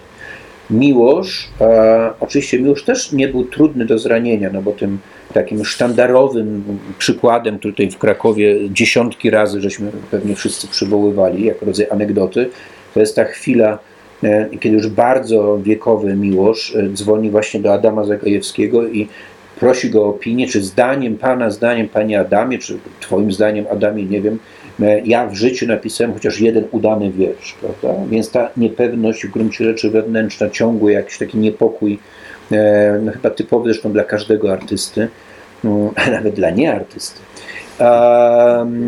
no, mu towarzyszyły, ale jednocześnie on rzeczywiście, no, tak jak się o nim też dość już tak stereotypowo e, mówiło, no miał w sobie jakąś taką wielką siłę. Znów to banalne i wielokrotnie używane porównanie do niedźwiedzia litewskiego, który jeszcze w dodatku symbolicznie zamieszkał na niedźwiedzim szczycie w Kalifornii. Rzeczywiście coś takiego w nim było, że miał niezwykłą jakąś porcję sił fizycznych również i e, psychicznych. No, choćby już to, to też jest taki nie najważniejszy przykład, e, ale może obrazowy, to jest facet, który w latach 60. prawdopodobnie codziennie wieczorem siada do biurka, otwiera kolejną butelkę tego bourbona, pije, potem e, pisze listy i Zygmunt Herz mu odpowiada Czesiu, na ostatnim liście. To za bardzo już było widać te ślady tej, tej rozlanej whisky powiedzmy, czy coś w tym stylu, ale jeżeli jego przyjaciel z lat okupacji Jerzy, e, Jerzy Andrzejewski rozpija się i pod koniec życia em, wygląda jak na taki kompletnie zniszczony chorobą bezbronny starzec, czego nie mówię, żeby było jasne z sarkazmem jakimś, tylko ze współczuciem, e, to miłość jest niezniszczalny, także pod tym, e, pod tym e, e, wz- względem. No i, i, i tyle. No zresztą, kiedy e, Herbert zwierzył się, zwierzył się Miłoszowi właśnie z, z tego pierwszego pobytu, takiego załamania nerwowego, e, to jeszcze nie był pobyt w szpitalu psychiatrycznym, ale załamanie nerwowe, które zresztą ma miejsce, no mówiąc w skrócie teraz powiedzmy we Francji, chociaż zaczyna się jeszcze w Niemczech, em, no to Miłosz pisze do niego e, taką kartkę czy list, że jesteś właściwie, jestem bardzo zaskoczony, nie, nie wiedziałem, nie, nie miałem pojęcia, że akurat ty jesteś zdolny do tak zwanego nervous breakdown, co do mnie, mówi, ja chyba jestem jednak do tego zupełnie niezdolny, no bo na przykład miałem taką siłę wewnętrzną, taki rodzaj kontroli w sobie, e, że mm, na co, na co po prostu nie, nie, nie, nie, nie, nie, nie, pozwala. E, Nie pozwala mi ta siła na tego rodzaju poluzowanie sobie. Można jeszcze dodać do tego, przepraszam, wie, wiem, że zapowiadałem, że odpowiem krótko, ale to jest taki bez końca się pojawiające kolejne wątki i, i epizody, ale można przypomnieć e, też, że jest powiedzmy, to nie jest paradoks, ale jakaś no, taka okoliczność, że Zbigniew Herbert, a no tak, u Zbigniewa Herberta mamy matkę, która też jest, e, ma tendencję do choroby e, psychicznej, u Miłosza nie, ale mamy brata jego ojca, e, który jest właśnie gdzieś tam na granicy jakiejś depresji, ale przede wszystkim takiego nieudanego, jest takim nieudacznikiem życiowym. Tak, przynajmniej tak młody Czesław go osądza. No i mm, e, wspominał, że kiedy patrzył z taką, no wiadomo, jak jesteśmy młodzi, to z łatwością nam, łatwo nam przychodzi osądzanie starszych, prawda? I patrzymy na nich, że tam przegrali swoje życie, nic nie osiągnęli, no a potem sami o sobie musimy to, to, to samo skonstatować po latach. No ale wtedy młody Czesław Miłosz jeszcze tego nie wie i patrzy właśnie na tego Witka zresztą e, z pogardą, e, a później komentuje, że właśnie ta obawa, żeby nie stać się taki jak on, zmuszała mnie do nieustannej aktywności, nieustannej walki. Byłem jak rowerzysta, który musi naciskać ciągle pedały, żeby się nie mm, przewrócić. Em, Skądinąd z tego porównania wynika, że to były jeszcze rowery bez przerzutek i trzeba było faktycznie cały czas e, kręcić. No bo bałem się, że jeżeli przestanę, jeżeli się zatrzymam, to właśnie ta podrzędność, te demony jakieś, które widziałem gdzieś w swojej rodzinie mnie dopadną i że stanę się taki jak oni. W tym sensie mówił Miłosz, ten właśnie brat ojca jest odpowiedzialny za wszystkie moje nagrody, łącznie z nagrodą Nobla.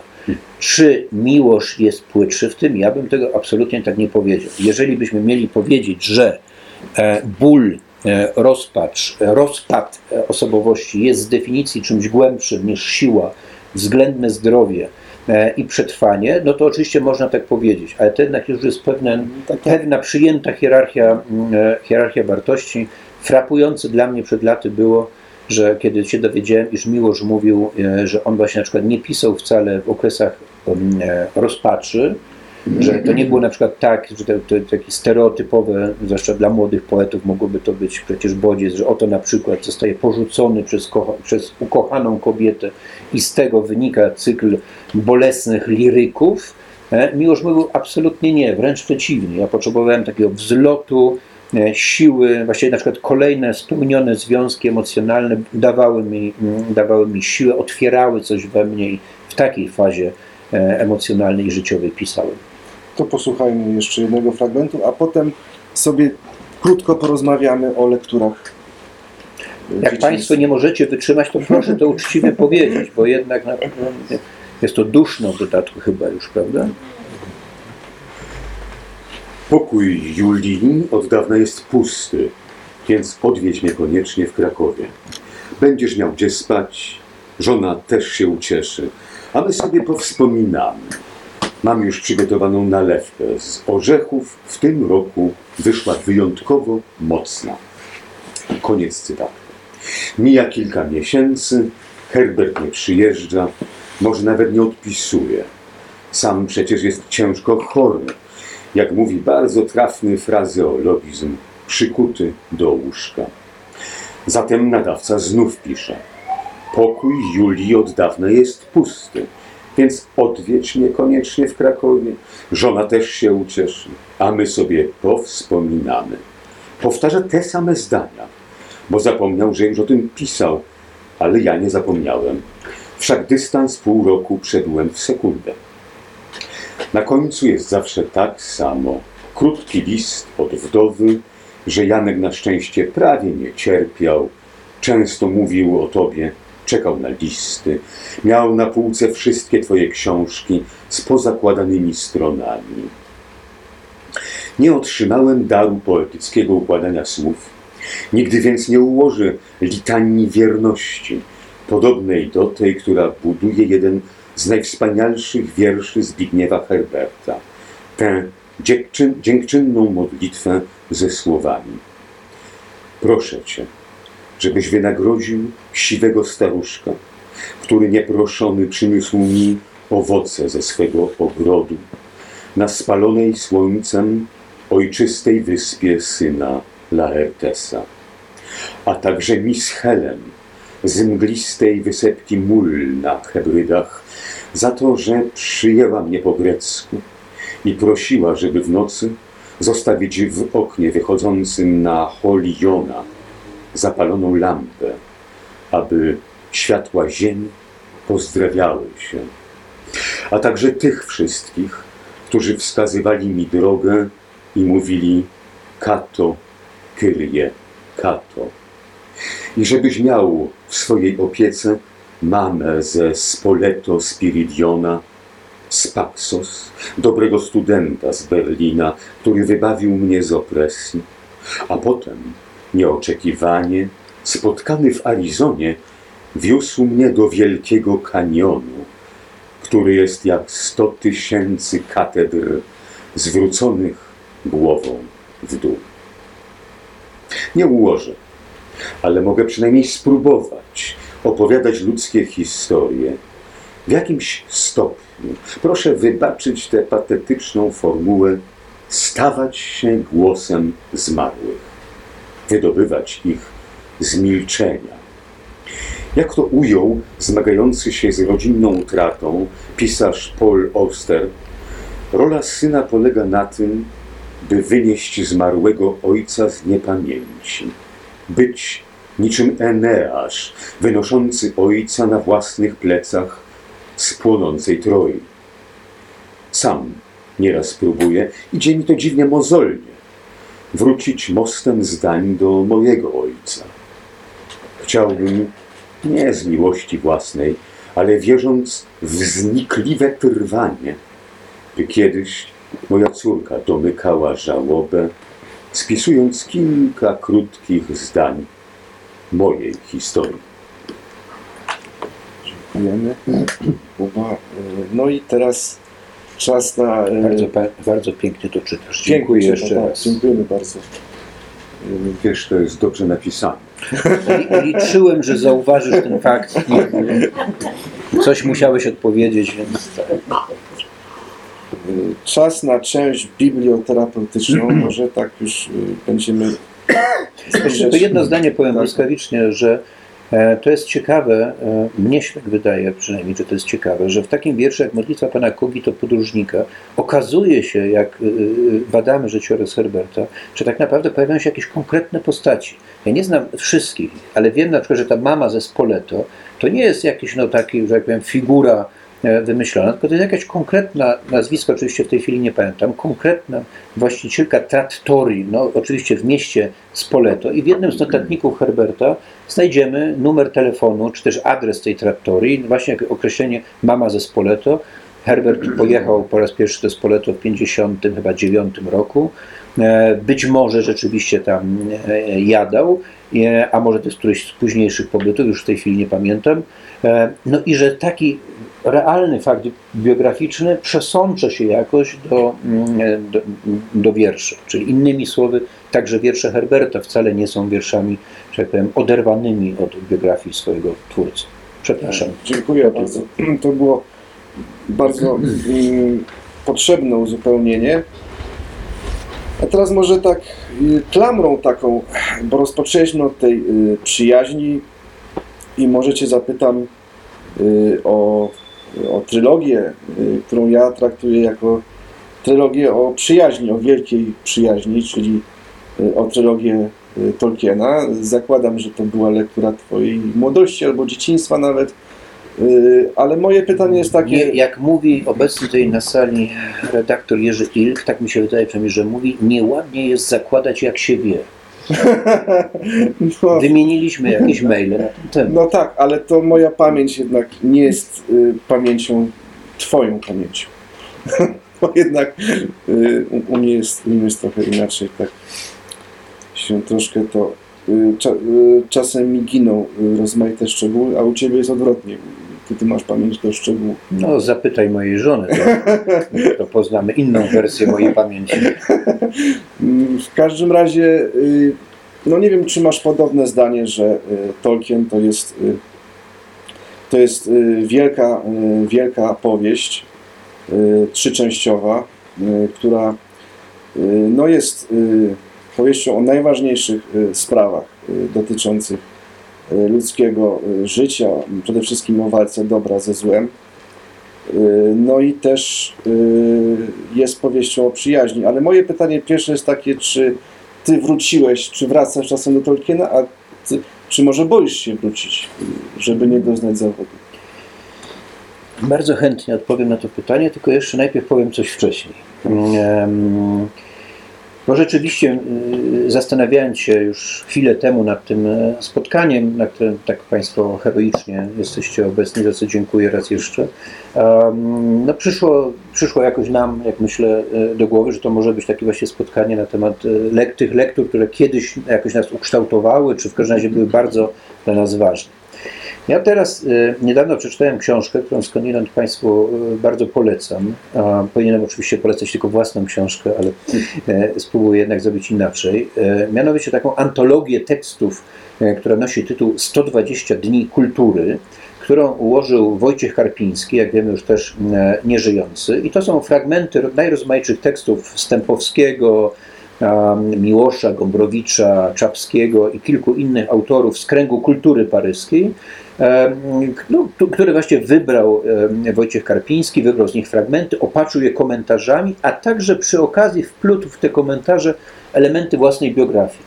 I z tych elementów, e, to jest bardzo ciekawe, to jest bardzo ładna, a nawet bym powiedział wzruszająca, tak mi się wydaje, książka i też przypominająca nam, że jednak w języku polskim w XX wieku napisano naprawdę sporo fantastycznych zupełnie zdań, tudzież akapitów. Pięknych i mądrych. E, Ale e, e, patrząc na te fragmenty bio, biografii Karpińskiego, wbrew pozorom zmierzam do naszego tematu, przypomniałem sobie coś, co ja już właściwie kiedyś wiedziałem, tylko wtedy chyba mnie to irytowało i czułem zazdrość potworną, a teraz raczej pomyślałem o tym z podziwem. Mianowicie, że Wojciech Karpiński był człowiekiem, ja sobie to wynotowałem specjalnie i, i, przypomniałem przed chwilą, żeby się nie pomylić, który czyta po raz pierwszy zniewolony umysł Czesława Miłosza, a w razie przegląda go, póki- bo ma bardzo mało czasu, mając lat, uwaga, 13. Natomiast do działu tak zwanych prohibitów w Bibliotece Narodowej w Warszawie, gdzie są między innymi właśnie też książki Miłosza, zostaje wpuszczony i pracuje tam, no czyta w każdym razie, mając lat 15. Jak łatwo się Państwo domyślacie, patrząc na mnie, zmierzam do powiedzenia, że ja taki nie byłem. Niestety taki zupełnie nie byłem i w wieku lat 13, a także również niestety 15, obawiam się, czytałem zupełnie inne książki. I kiedy zastanawiałem się, jakie, nie wszystkie oczywiście, bo nawet jak tutaj się rozglądamy, mamy jakieś Winnetou na przykład, prawda, no to oczywiście takich książek jest mnóstwo, które, nie, no tak właśnie, które byśmy sobie, ja bym sobie e, przypomniał, no te, te o, o, okładki tego rodzaju, okładki perelowskie, wz- wzrusza mnie to po prostu, albo jak Państwo pamiętacie, to jest taki klub siedmiu przygód na przykład, prawda? To są wielkie emocje, niepowtarza, nie, chyba nie do powtórzenia już w dorosłym życiu, jakie się wiążą e, e, z lekturą w dzieciństwie. Walter Benjamin napisał gdzieś, że dziecko, które czyta, jest jak takie dziecko pogrążone w zamieci śnieżnej, całkowicie jakby za- zatopione w tym. I ja owszem byłem takim chłopcem, który był całkowicie pogrążony w tych e, lekturach, przy czym to jednak były lektury inne niż na przykład Zniewolony umysł e, Czesława e, Miłosza, do czego się oficjalnie przyznaję. I kiedy zastanawiałem się nad wyborem takich książek, które miały dla mnie rzeczywiście bardzo duże znaczenie, to przyszły mi do głowy jakby cztery ogniwa z różnych oczywiście też okresów życia. E, Po pierwsze, byłyby to o książki Edmunda. Aha, jeszcze wydaje mi się, że one się na pewien sposób układają w pewien, e, w pewien ciąg, wbrew pozorom. Zaraz wyjaśnię o co mi chodzi. A więc po pierwsze, rozmaite książki Edmunda Niziurskiego, które były dla mnie niesłychanie fantastyczną przygodą e, właśnie w dzieciństwie i w młodości, powiedzmy również, czy wczesnej młodości. Następnie Władca Pierścieni e, Tolkiena, Władca Pierścieni, a nie Hobbit na przykład, czy już te późniejsze, znaczy później publikowane różne e, książki. Następnie, no to już oczywiście trochę później, bo myślę, że już co tu kryć na studiach dopiero, Czarodziejska Góra Tomasza Mana i jakoś równolegle w tym samym no, czasie oczywiście nigdy nie zakończona przygoda, czyli e, wiersze e, Czesława Miłosza. I kiedy nawet dzisiaj sobie jeszcze trochę o tym myślałem, no żeby przyjść w miarę przygotowany na to spotkanie, to pomyślałem tak, że w gruncie rzeczy wszystkie te lektury cechuje um, w jakimś mniejszym lub większym stopniu pewne wyobrażenie innego życia. Innego życia niż to, które jest nam dane, innego życia, niekoniecznie jakby sprecyzowanego, może jednoznacznego, do którego tęsknimy. To jest niewątpliwie oczywiście na pewnym poziomie, prawda, e, w książkach Niziurskiego, który przedstawiał rzeczywistość nie mającą wiele wspólnego z prawdziwą rzeczywistością nastolatka czy dziecka mm, w PRL-u, ale także w jakikolwiek innym y, kraju i czasie.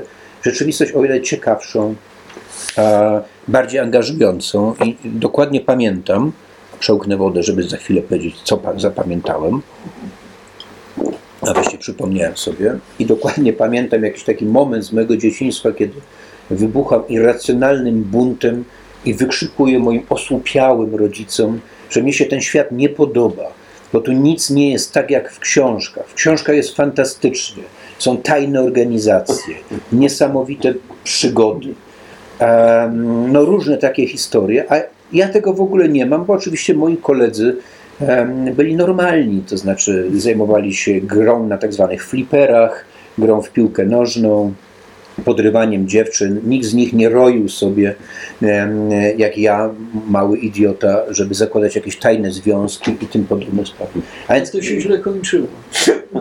no y, tak, rozumiem, ale ja już jestem z tego pokolenia, że to już bardzo późno na Sybir by mnie nie wywieźli.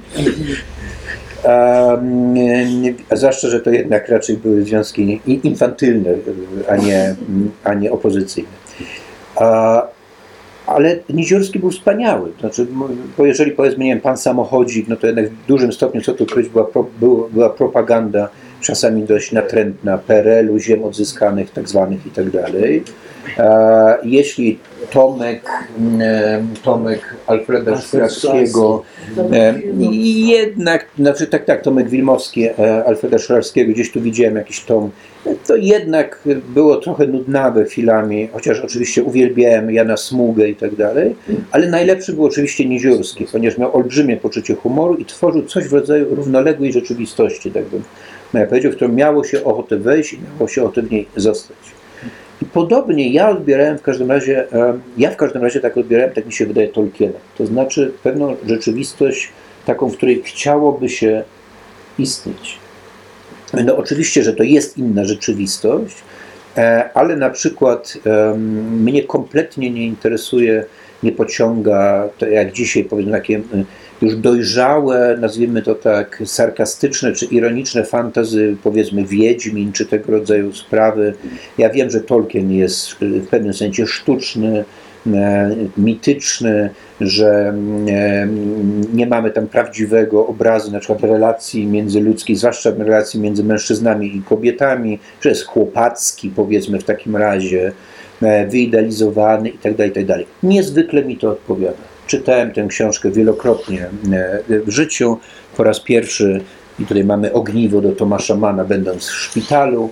Mój tata przyniósł mi z biblioteki. Z początku się trochę przestraszyłem. To było, jak Państwo pamiętacie, to wydanie z takimi trochę dziwnymi e, pracami plastycznymi na wyklejkach, które dla bardzo młodego czytelnika, jakim były, nie do końca były jednoznaczne.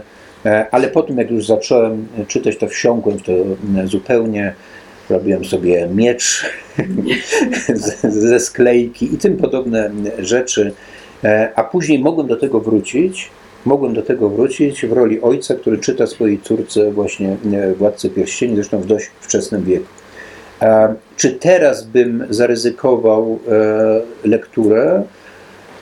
Chyba już nie, mimo wszystko. Chociaż czasem rzeczywiście, jak mam gorszy dzień, to mam taką potrzebę ucieczki od świata i, i myślę sobie, żeby na przykład nie, nie sięgnąć po jakąś książkę mm, z czasów dzieciństwa, ale jednak tego nie robię. No, kończy się to na takim pomyśleniu o tym i myślę, że jednak po raz, nie wiem, ósmy, no, chyba bym jednak w całości w każdym razie Władcy Pierścieni nie przeczytał, ale była to dla mnie niezwykle, e, niezwykle ważna mm, ważna sprawa. Czy była to dla mnie przede wszystkim opowieść o przyjaźni? Chyba nie. Myślę, że to była opowieść e, oczywiście o walce dobra ze złem, która jest tak bardzo jasno e, nazwana. Zresztą na marginesie zauważyłbym, że jeśli dziś w czasie wojny w Ukrainie mówimy, czy Ukraińcy mówią, że oto orkowie nadchodzą, no to jest jakiś taki, że jak powiem, pośmiertny triumf Tolkiena, a może raczej ekranizacji prawdopodobnie tej, e, tej, tej, tej, tej powieści. Ekranizacji zresztą e, dość okropnej, jak wiemy, a, a choć nie aż tak okropnej jak ekranizacja Hobbita, która już jest no, po prostu skrajnie u, u, upiorna. Więc myślę, że to była dla mnie e, opowieść o walce dobra ze złem, opowieść o przygodzie, ale, a no właśnie, opowieść o tajemnicy, o tym, że jest jakaś głębsza rzeczywistość, e, które można też nazwać rzeczywistością religijną, niekoniecznie musimy nazwać to rzeczywistością magiczną. E, I jeszcze coś, co do mnie niesłychanie przemawiało i dlatego mi się wydaje, że to też po części przypomina właśnie Niziurskiego, chociaż oczywiście na inny sposób. Dla mnie em, czymś, co było bardzo takie przykuwające emocje, były we Władcy Pierścieni takie ślady istniejącej wcześniej, ale zniszczonej rzeczywistości. Otóż właśnie. To znaczy, że było kiedyś królestwo Numenoru, że ono upadło, że gdzieś jeszcze spotykamy gigantyczne posągi królów, e, że jeszcze przetrwało w legendzie czy w podaniu, że znowu zasiądzie król na stolicy, że Gdzieś widzimy właśnie z kolei jakiś obalony posąg, ale na nim pojawia się, zakwitają kwiaty, tak jakby ten posąg na nowo miał koronę. I to wszystko, to, nie jest dokładnie, właśnie to oczywiście celowo przez Tolkiena nie jest wcale bardzo dokładnie, tak y, y, jednoznacznie przedstawione, bo poprzez to, że to jest ułomek, że e, widzimy jakiś fragment i dobudowujemy sobie do tego mm, tą, tamtą rzeczywistość, no jest jakoś bardzo y, angażujący. No w każdym razie takiego melancholijnego, nostalgicznego chłopca lub jak dzisiaj mężczyzny, jak ja, a, a, angażujący bardzo właśnie. E, Trochę zresztą oczywiście no, można byłoby się zastanawiać, czy nie dałoby się odrobinę porównać Tolkiena i na przykład Brunona Schulza z jego myślą, że pisarz musi budować z dawnych mitów i że my współcześni e, pisarze jesteśmy jak ci w średniowieczu, którzy rozbierali resztkę dawnych antycznych budowli, żeby z tych kamieni na nowo ułożyć prawda, swoje budowle. No i tutaj jednak uspokoję się, może i przerwę. Powiem tylko, że przypomnę tylko, że jeszcze e, są te dwa ewentualne tytuły, czyli właśnie Man i Miłosz, e, też sanatorium i też trochę inna rzeczywistość, ale to, no, powstrzymam się przed, w tym gadulstwie niepowstrzymanym. No bo jeszcze chciałbym y, O zadać... właśnie, bo myślałem, że jeszcze byś chciał coś zrobić. No właśnie. Dwa pytania na koniec. Pierwsze pytanie, bo z tego co powiedziałeś o swoich lekturach, które y, no też, te, też były moimi lekturami, y, y, to przypomniał mi się taki fragment z czułego narratora Olgi Tokarczuk, kiedy ona pisała o czytelniku. Więc, że czytelnik to jest ktoś taki no, dziwny, osobny, że jakby można być, nie wiem, krytykiem literackim, profesorem filologii polskiej, świetnym naukowcem. Y, Natomiast tego daru bycia czytelnikiem nabiera się bardzo wcześnie.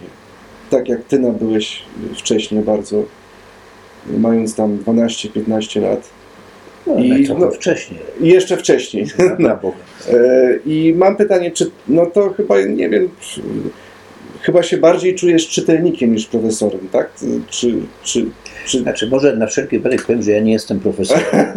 Em, Z charakterystyczną dla siebie niedoskonałością przeczołgałem się jakoś przez próg habilitacji, więc mam prawo używać prawda, tytułu doktora habilitowanego, co niniejszym skwapliwie czynię, ale nie, nie, nie jestem profesorem, chociaż bardzo miło mi tak e, o, o, słyszeć, jak tak jestem tytułowany. Natomiast mówiąc poważnie, nie, no oczywiście, że tak. To znaczy, że te, e, że te Oczywiście, że tak.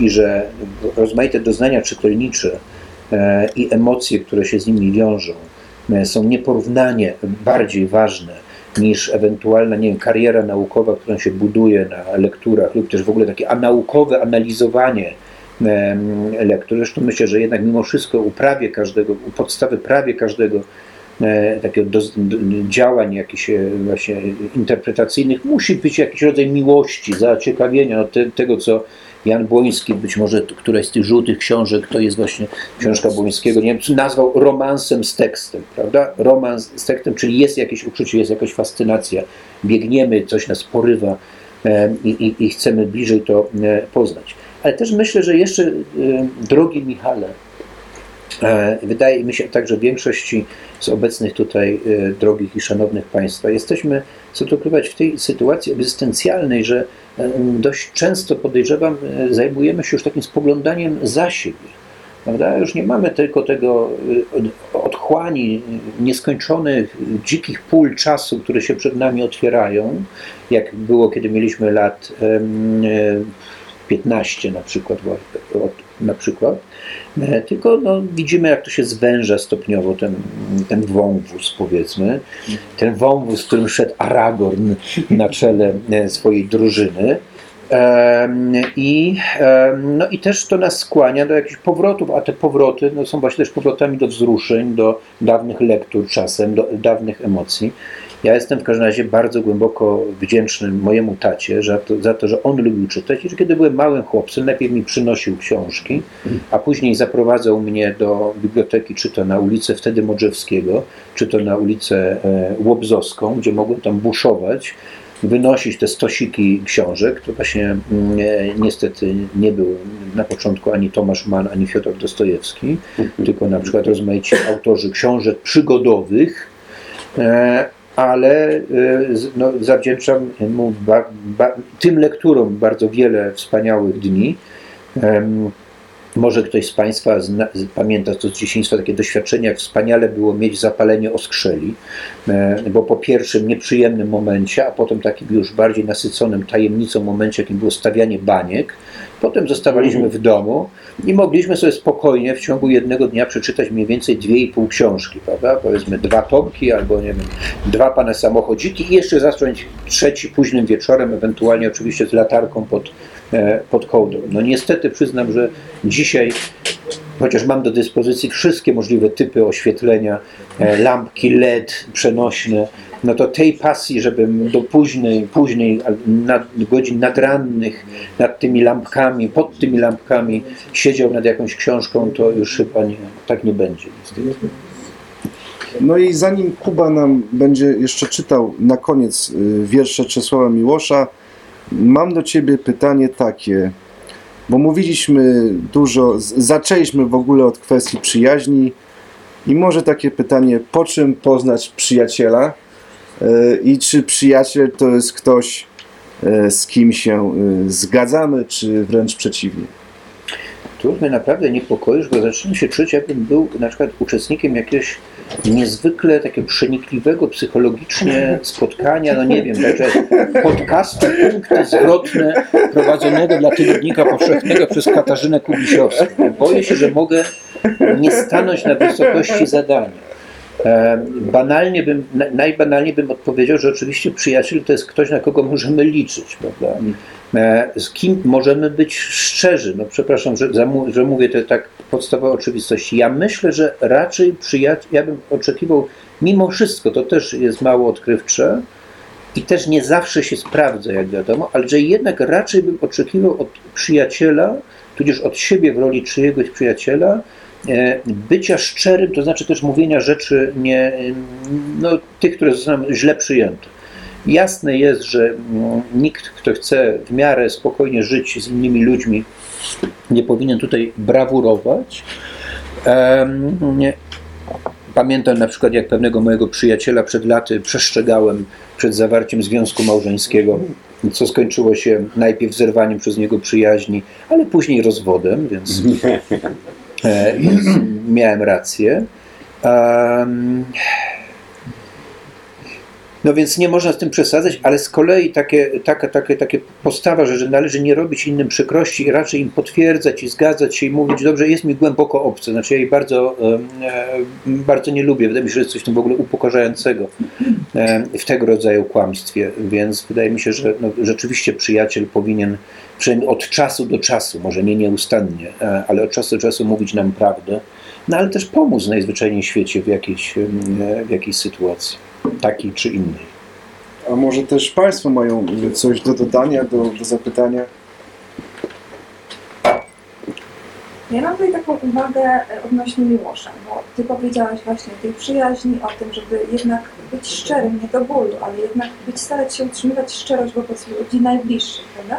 I nie był taki Miłosz, który może nie był bezkompromisowy, ale on miał odwagę krytykować powstanie warszawskie, wiedząc jakie odium i jaka spadnie na niego, mówiąc teraz e, e, tonem nowożytnym obecnym, hejt, prawda? Jaki na niego spadł. E, który ciągnął się tak naprawdę do końca jego żywota. Ja byłam na pogrzebie Miłosza, robiłam zdjęcia, pamiętam, że szłam w tłumie, po prostu w tłumie, to była rzeka ludzi. I widziałam e, i Wajdę e, wśród tego tłumu, i inne osoby znane, ale też słyszałam wiele, wiele rozmów, e, wiele uwag. I to było naprawdę bardzo przykrym doświadczeniem, bo ludzie szli na ten pogrzeb, oczywiście szli tylko do bramy, na skałkę, bo, bo tam była już limitowana ilość osób.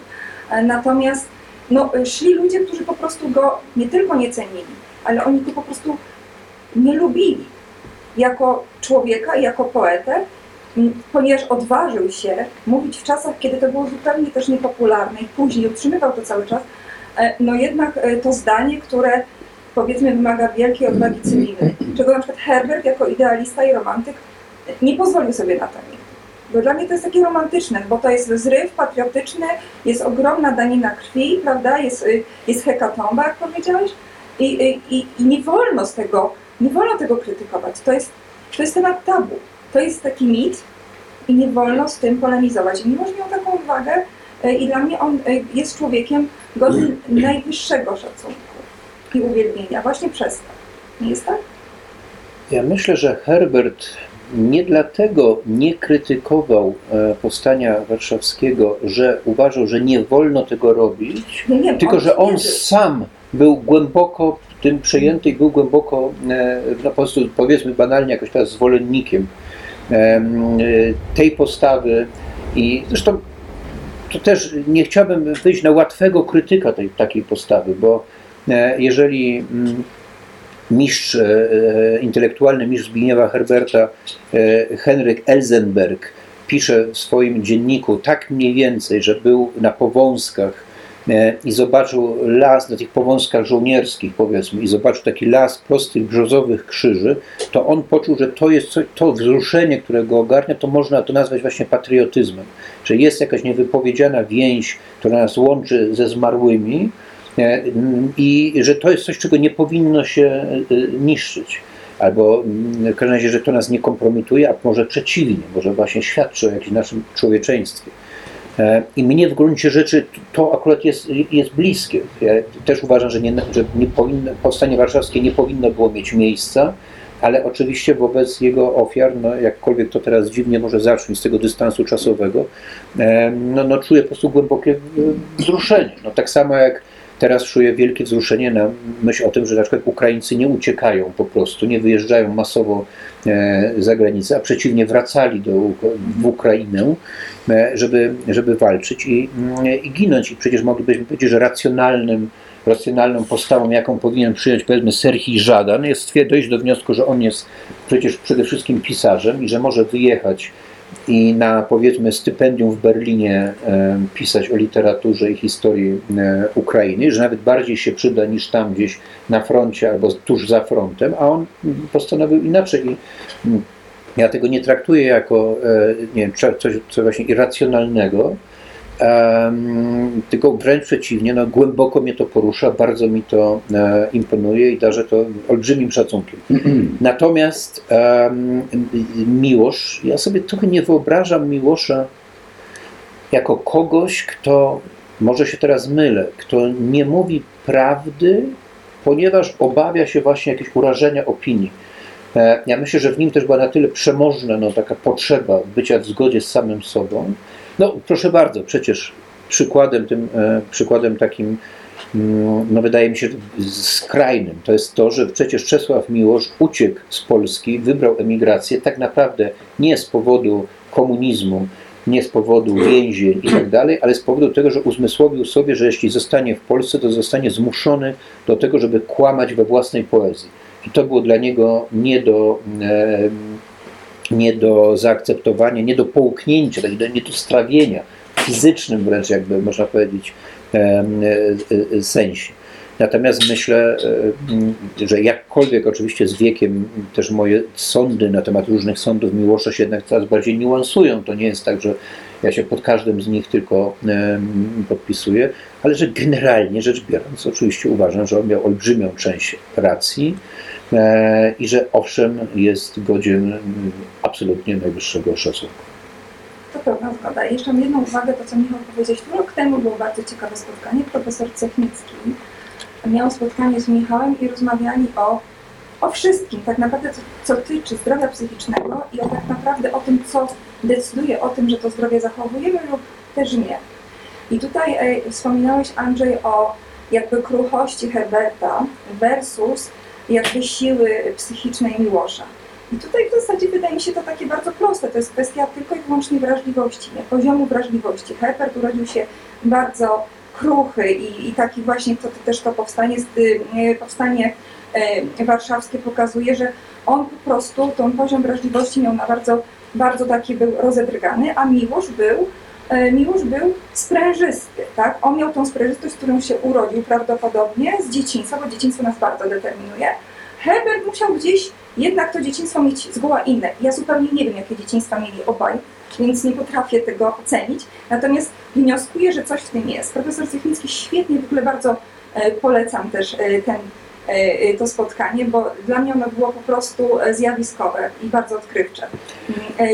Czy, czy nie ma w tym racji oczywiście, żeby było zabawniej, to było mniej więcej tak, że Miłosz miał dzieciństwo naznaczone dramatem, e, wojną, e, niepokojem, brakiem ojca, e, potem dystansem wobec ojca e, i trochę pogardzaniem tym e, ojcem e, i krótkim bardzo okresem takiej szczęśliwości w Szetejniach, e, w dworze swoich dziadków, które traktował jak pobyt w, w raju ziemskim, tak to w każdym razie wspominał. Natomiast Herbert e, wychował się w kochającej, spokojnej i, raczej pogodzonej mm, rodzinie. W bardzo, no właśnie, w bardzo e, spokojnym, jak się wydaje, m, e, środowisku. Ale jeszcze jedną rzecz chciałem dodać, że coś, co wydaje mi się z kolei w Herbercie godne olbrzymiego szacunku i no, to jest taka tajemnica twórczości, prawda, która nawet, nawet, nawet trudno powiedzieć, że to należy kogoś, nie wiem, komuś tego pogratulować, bo to nawet może nie wynika z jego świadomej decyzji, tylko po prostu no, jest jakoś immanentnie w nim zawarte. I na co zresztą zwrócił mi uwagę mm, któryś z, e, chyba chyba Al, Al, Al Alvarez, taki już nieżyjący angielski krytyk, e, autor zresztą książki o samobójstwie między e, innymi, w ogóle dość ciekawa postać, i który, e, który mówił o Herbercie mniej więcej tak. Herbert w latach 60. przyjeżdża do Londynu, zaczyna być właśnie tłumaczony, e, e, zapraszany na kolejne festiwale, publikuje mniej więcej w tym samym czasie, co na przykład Sylwia Plath, czy Ted Hughes. To są poeci, którzy piszą bardzo dużo o swoich właśnie kłopotach z rodzicami, kłopotach z małżeństwach, rozwodach, chorobach psychicznych, bólach najrozmaitszych. I mówi, mm, e, ten Alvarez mówił, na tym tle e, okazało się coś niezwykle zdumiewającego, że oto pojawia się jakiś nowy poeta, który emanuje zdrowiem psychicznym który jest poetą frapującym, którego utwory są frapujące, ale świadczą o właśnie jakimś głębokim zdrowiu. No i teraz, jak Państwo rozumiecie oczywiście, niezwykłe jest to, że Herbert miał w swoim życiu dokładnie wszystko to samo. Sk- Skomplikowane i jakbyśmy dzisiaj banalnie powiedzieli, toksyczne związki emocjonalne. Em, uciekanie od kolejnych partnerek i porzucanie ich. Okropne traktowanie tych kolejnych e, kobiet. E, picie bardzo, bardzo ciężkie. No oczywiście po prostu chorobę psychiczną, jak, jak się rzekło. I z jakiegoś powodu taki był mu dana jakaś jasność że on potrafił przy tym wszystkim tworzyć wiersze, które faktycznie uderzają taką jasnością, em, harmonijnością, no, nie, niezwykłe wydaje mi się. No, ja mam e, e, okazję być też e, sekretarzem, szumnie mówiąc, to jest tak naprawdę czysto taka biurowa, bym powiedział, funkcja e, tak zwanej Międzynarodowej Nagrody Literackiej imienia Zbigniewa Herberta. Z tego powodu e, od lat e, czytam na przykład wiersze różnych nominowanych poetów ze, ze świata i bardzo często mnie to uderza, że mamy do czynienia, dla mnie to jest jakoś uderzające, że e, mam do czynienia z najrozmaitszymi ważnymi poetami, dzisiaj jeszcze oczywiście tworzącymi, żyjącymi, i że na ich tle, na tle tego, co czytam, Herbert na nowo uderza mnie jakąś swoją niezwykłością i doskonałością. Em, oczywiście to, to jest kwestia tego, że Herbert pisał w języku polskim, a ci poeci zwykle piszą w innych językach. Ja je poznaję w przekładach, to się jeszcze jakoś komplikuje przy tym, ale jednak on był no, nie, nie, nie, niezwykły po prostu. I ktoś, kto pisze właśnie te tak, tak poruszające, ale też tak właśnie jakoś zdyscyplinowane wiersze e, o panu Kogito i pisze je na przykład między jednym pobytem w szpitalu psychiatrycznym a drugim, albo między jedną depresją a drugą, no to, to jest coś nies- niesamowitego. Tak mi się wydaje w każdym razie. Czy są jeszcze jakieś pytania? Tak. Chciałem powiedzieć, że mnie się wydaje, że pewnego rodzaju uproszczenie tutaj się wkradło, takie y, jakoby to Herbert to była ta wrażliwość, ranliwość, a Miłosz ta niezwykła siła, brutalność, czy czasem bezwzględność, czy, e, bo ten Miłosz też był niesłychanie ranliwy i też był niesłychanie wrażliwy na punkcie krytyki to pytanie słynne właśnie zadane Adamowi Zagajskiemu to jest tylko jeden z przykładów. Ale pamiętam taką sytuację, kiedy e, prawicowy poeta Wojciech Wencel napisał plugawy paszkwil taki o Miłoszu, gdzie rozliczał go z jego religijnych y, wątpliwości i, e, i z tego, że jest właściwie złym katolikiem, nieprawidłowo traktującym Kościół i wiarę chrześcijańską i tak dalej. E, I tam była taka fraza słynna, że miłość jest, miłość jest płytki jak staw. I myśmy właściwie w kręgu przyjaciół Miłosza, w jego otoczeniu, jakby robili wszystko, żeby ten tekst do rąk Miłosza nie dotarł, żeby go jakoś chronić przed takimi e, kontrowersjami czy sytuacjami. Jednak ktoś mu to przyniósł, on to przeczytał i straszliwie to przeżył. Bardzo łatwo, bo było to było zaskakujące czasem dla mnie, jak ktoś tak potężny i tak, który powinien być pewien swojej siły, wartości, wielkości i tak dalej, jak łatwo jest go zranić, jak bardzo jemu zależy na opinii. Dziękujemy Państwu za, za ten wspaniały wieczór. Dziękujemy profesorowi Andrzejowi Franaszkowi za, za przyjęcie zaproszenia i za, za, za uczestniczenie. E, Michałowi, doktorowi Michałowi Piętniewiczowi za pomoc w przygotowaniu, e, komunikacji z profesorem przed e, spotkaniem, panu Jakubowi za przeczytanie tych pięknych wierszy, wszystkim Państwu za przybycie. Bardzo nam miło, że jest z nami e, redaktor Jerzy Ink, który tutaj po sąsiedzku pracuje w wydawnictwie Znak. E, Bardzo e, serdecznie dziękujemy wszystkim partnerom, wszystkim pracownikom, współpracownikom, klientom antykwariatu Abycadło.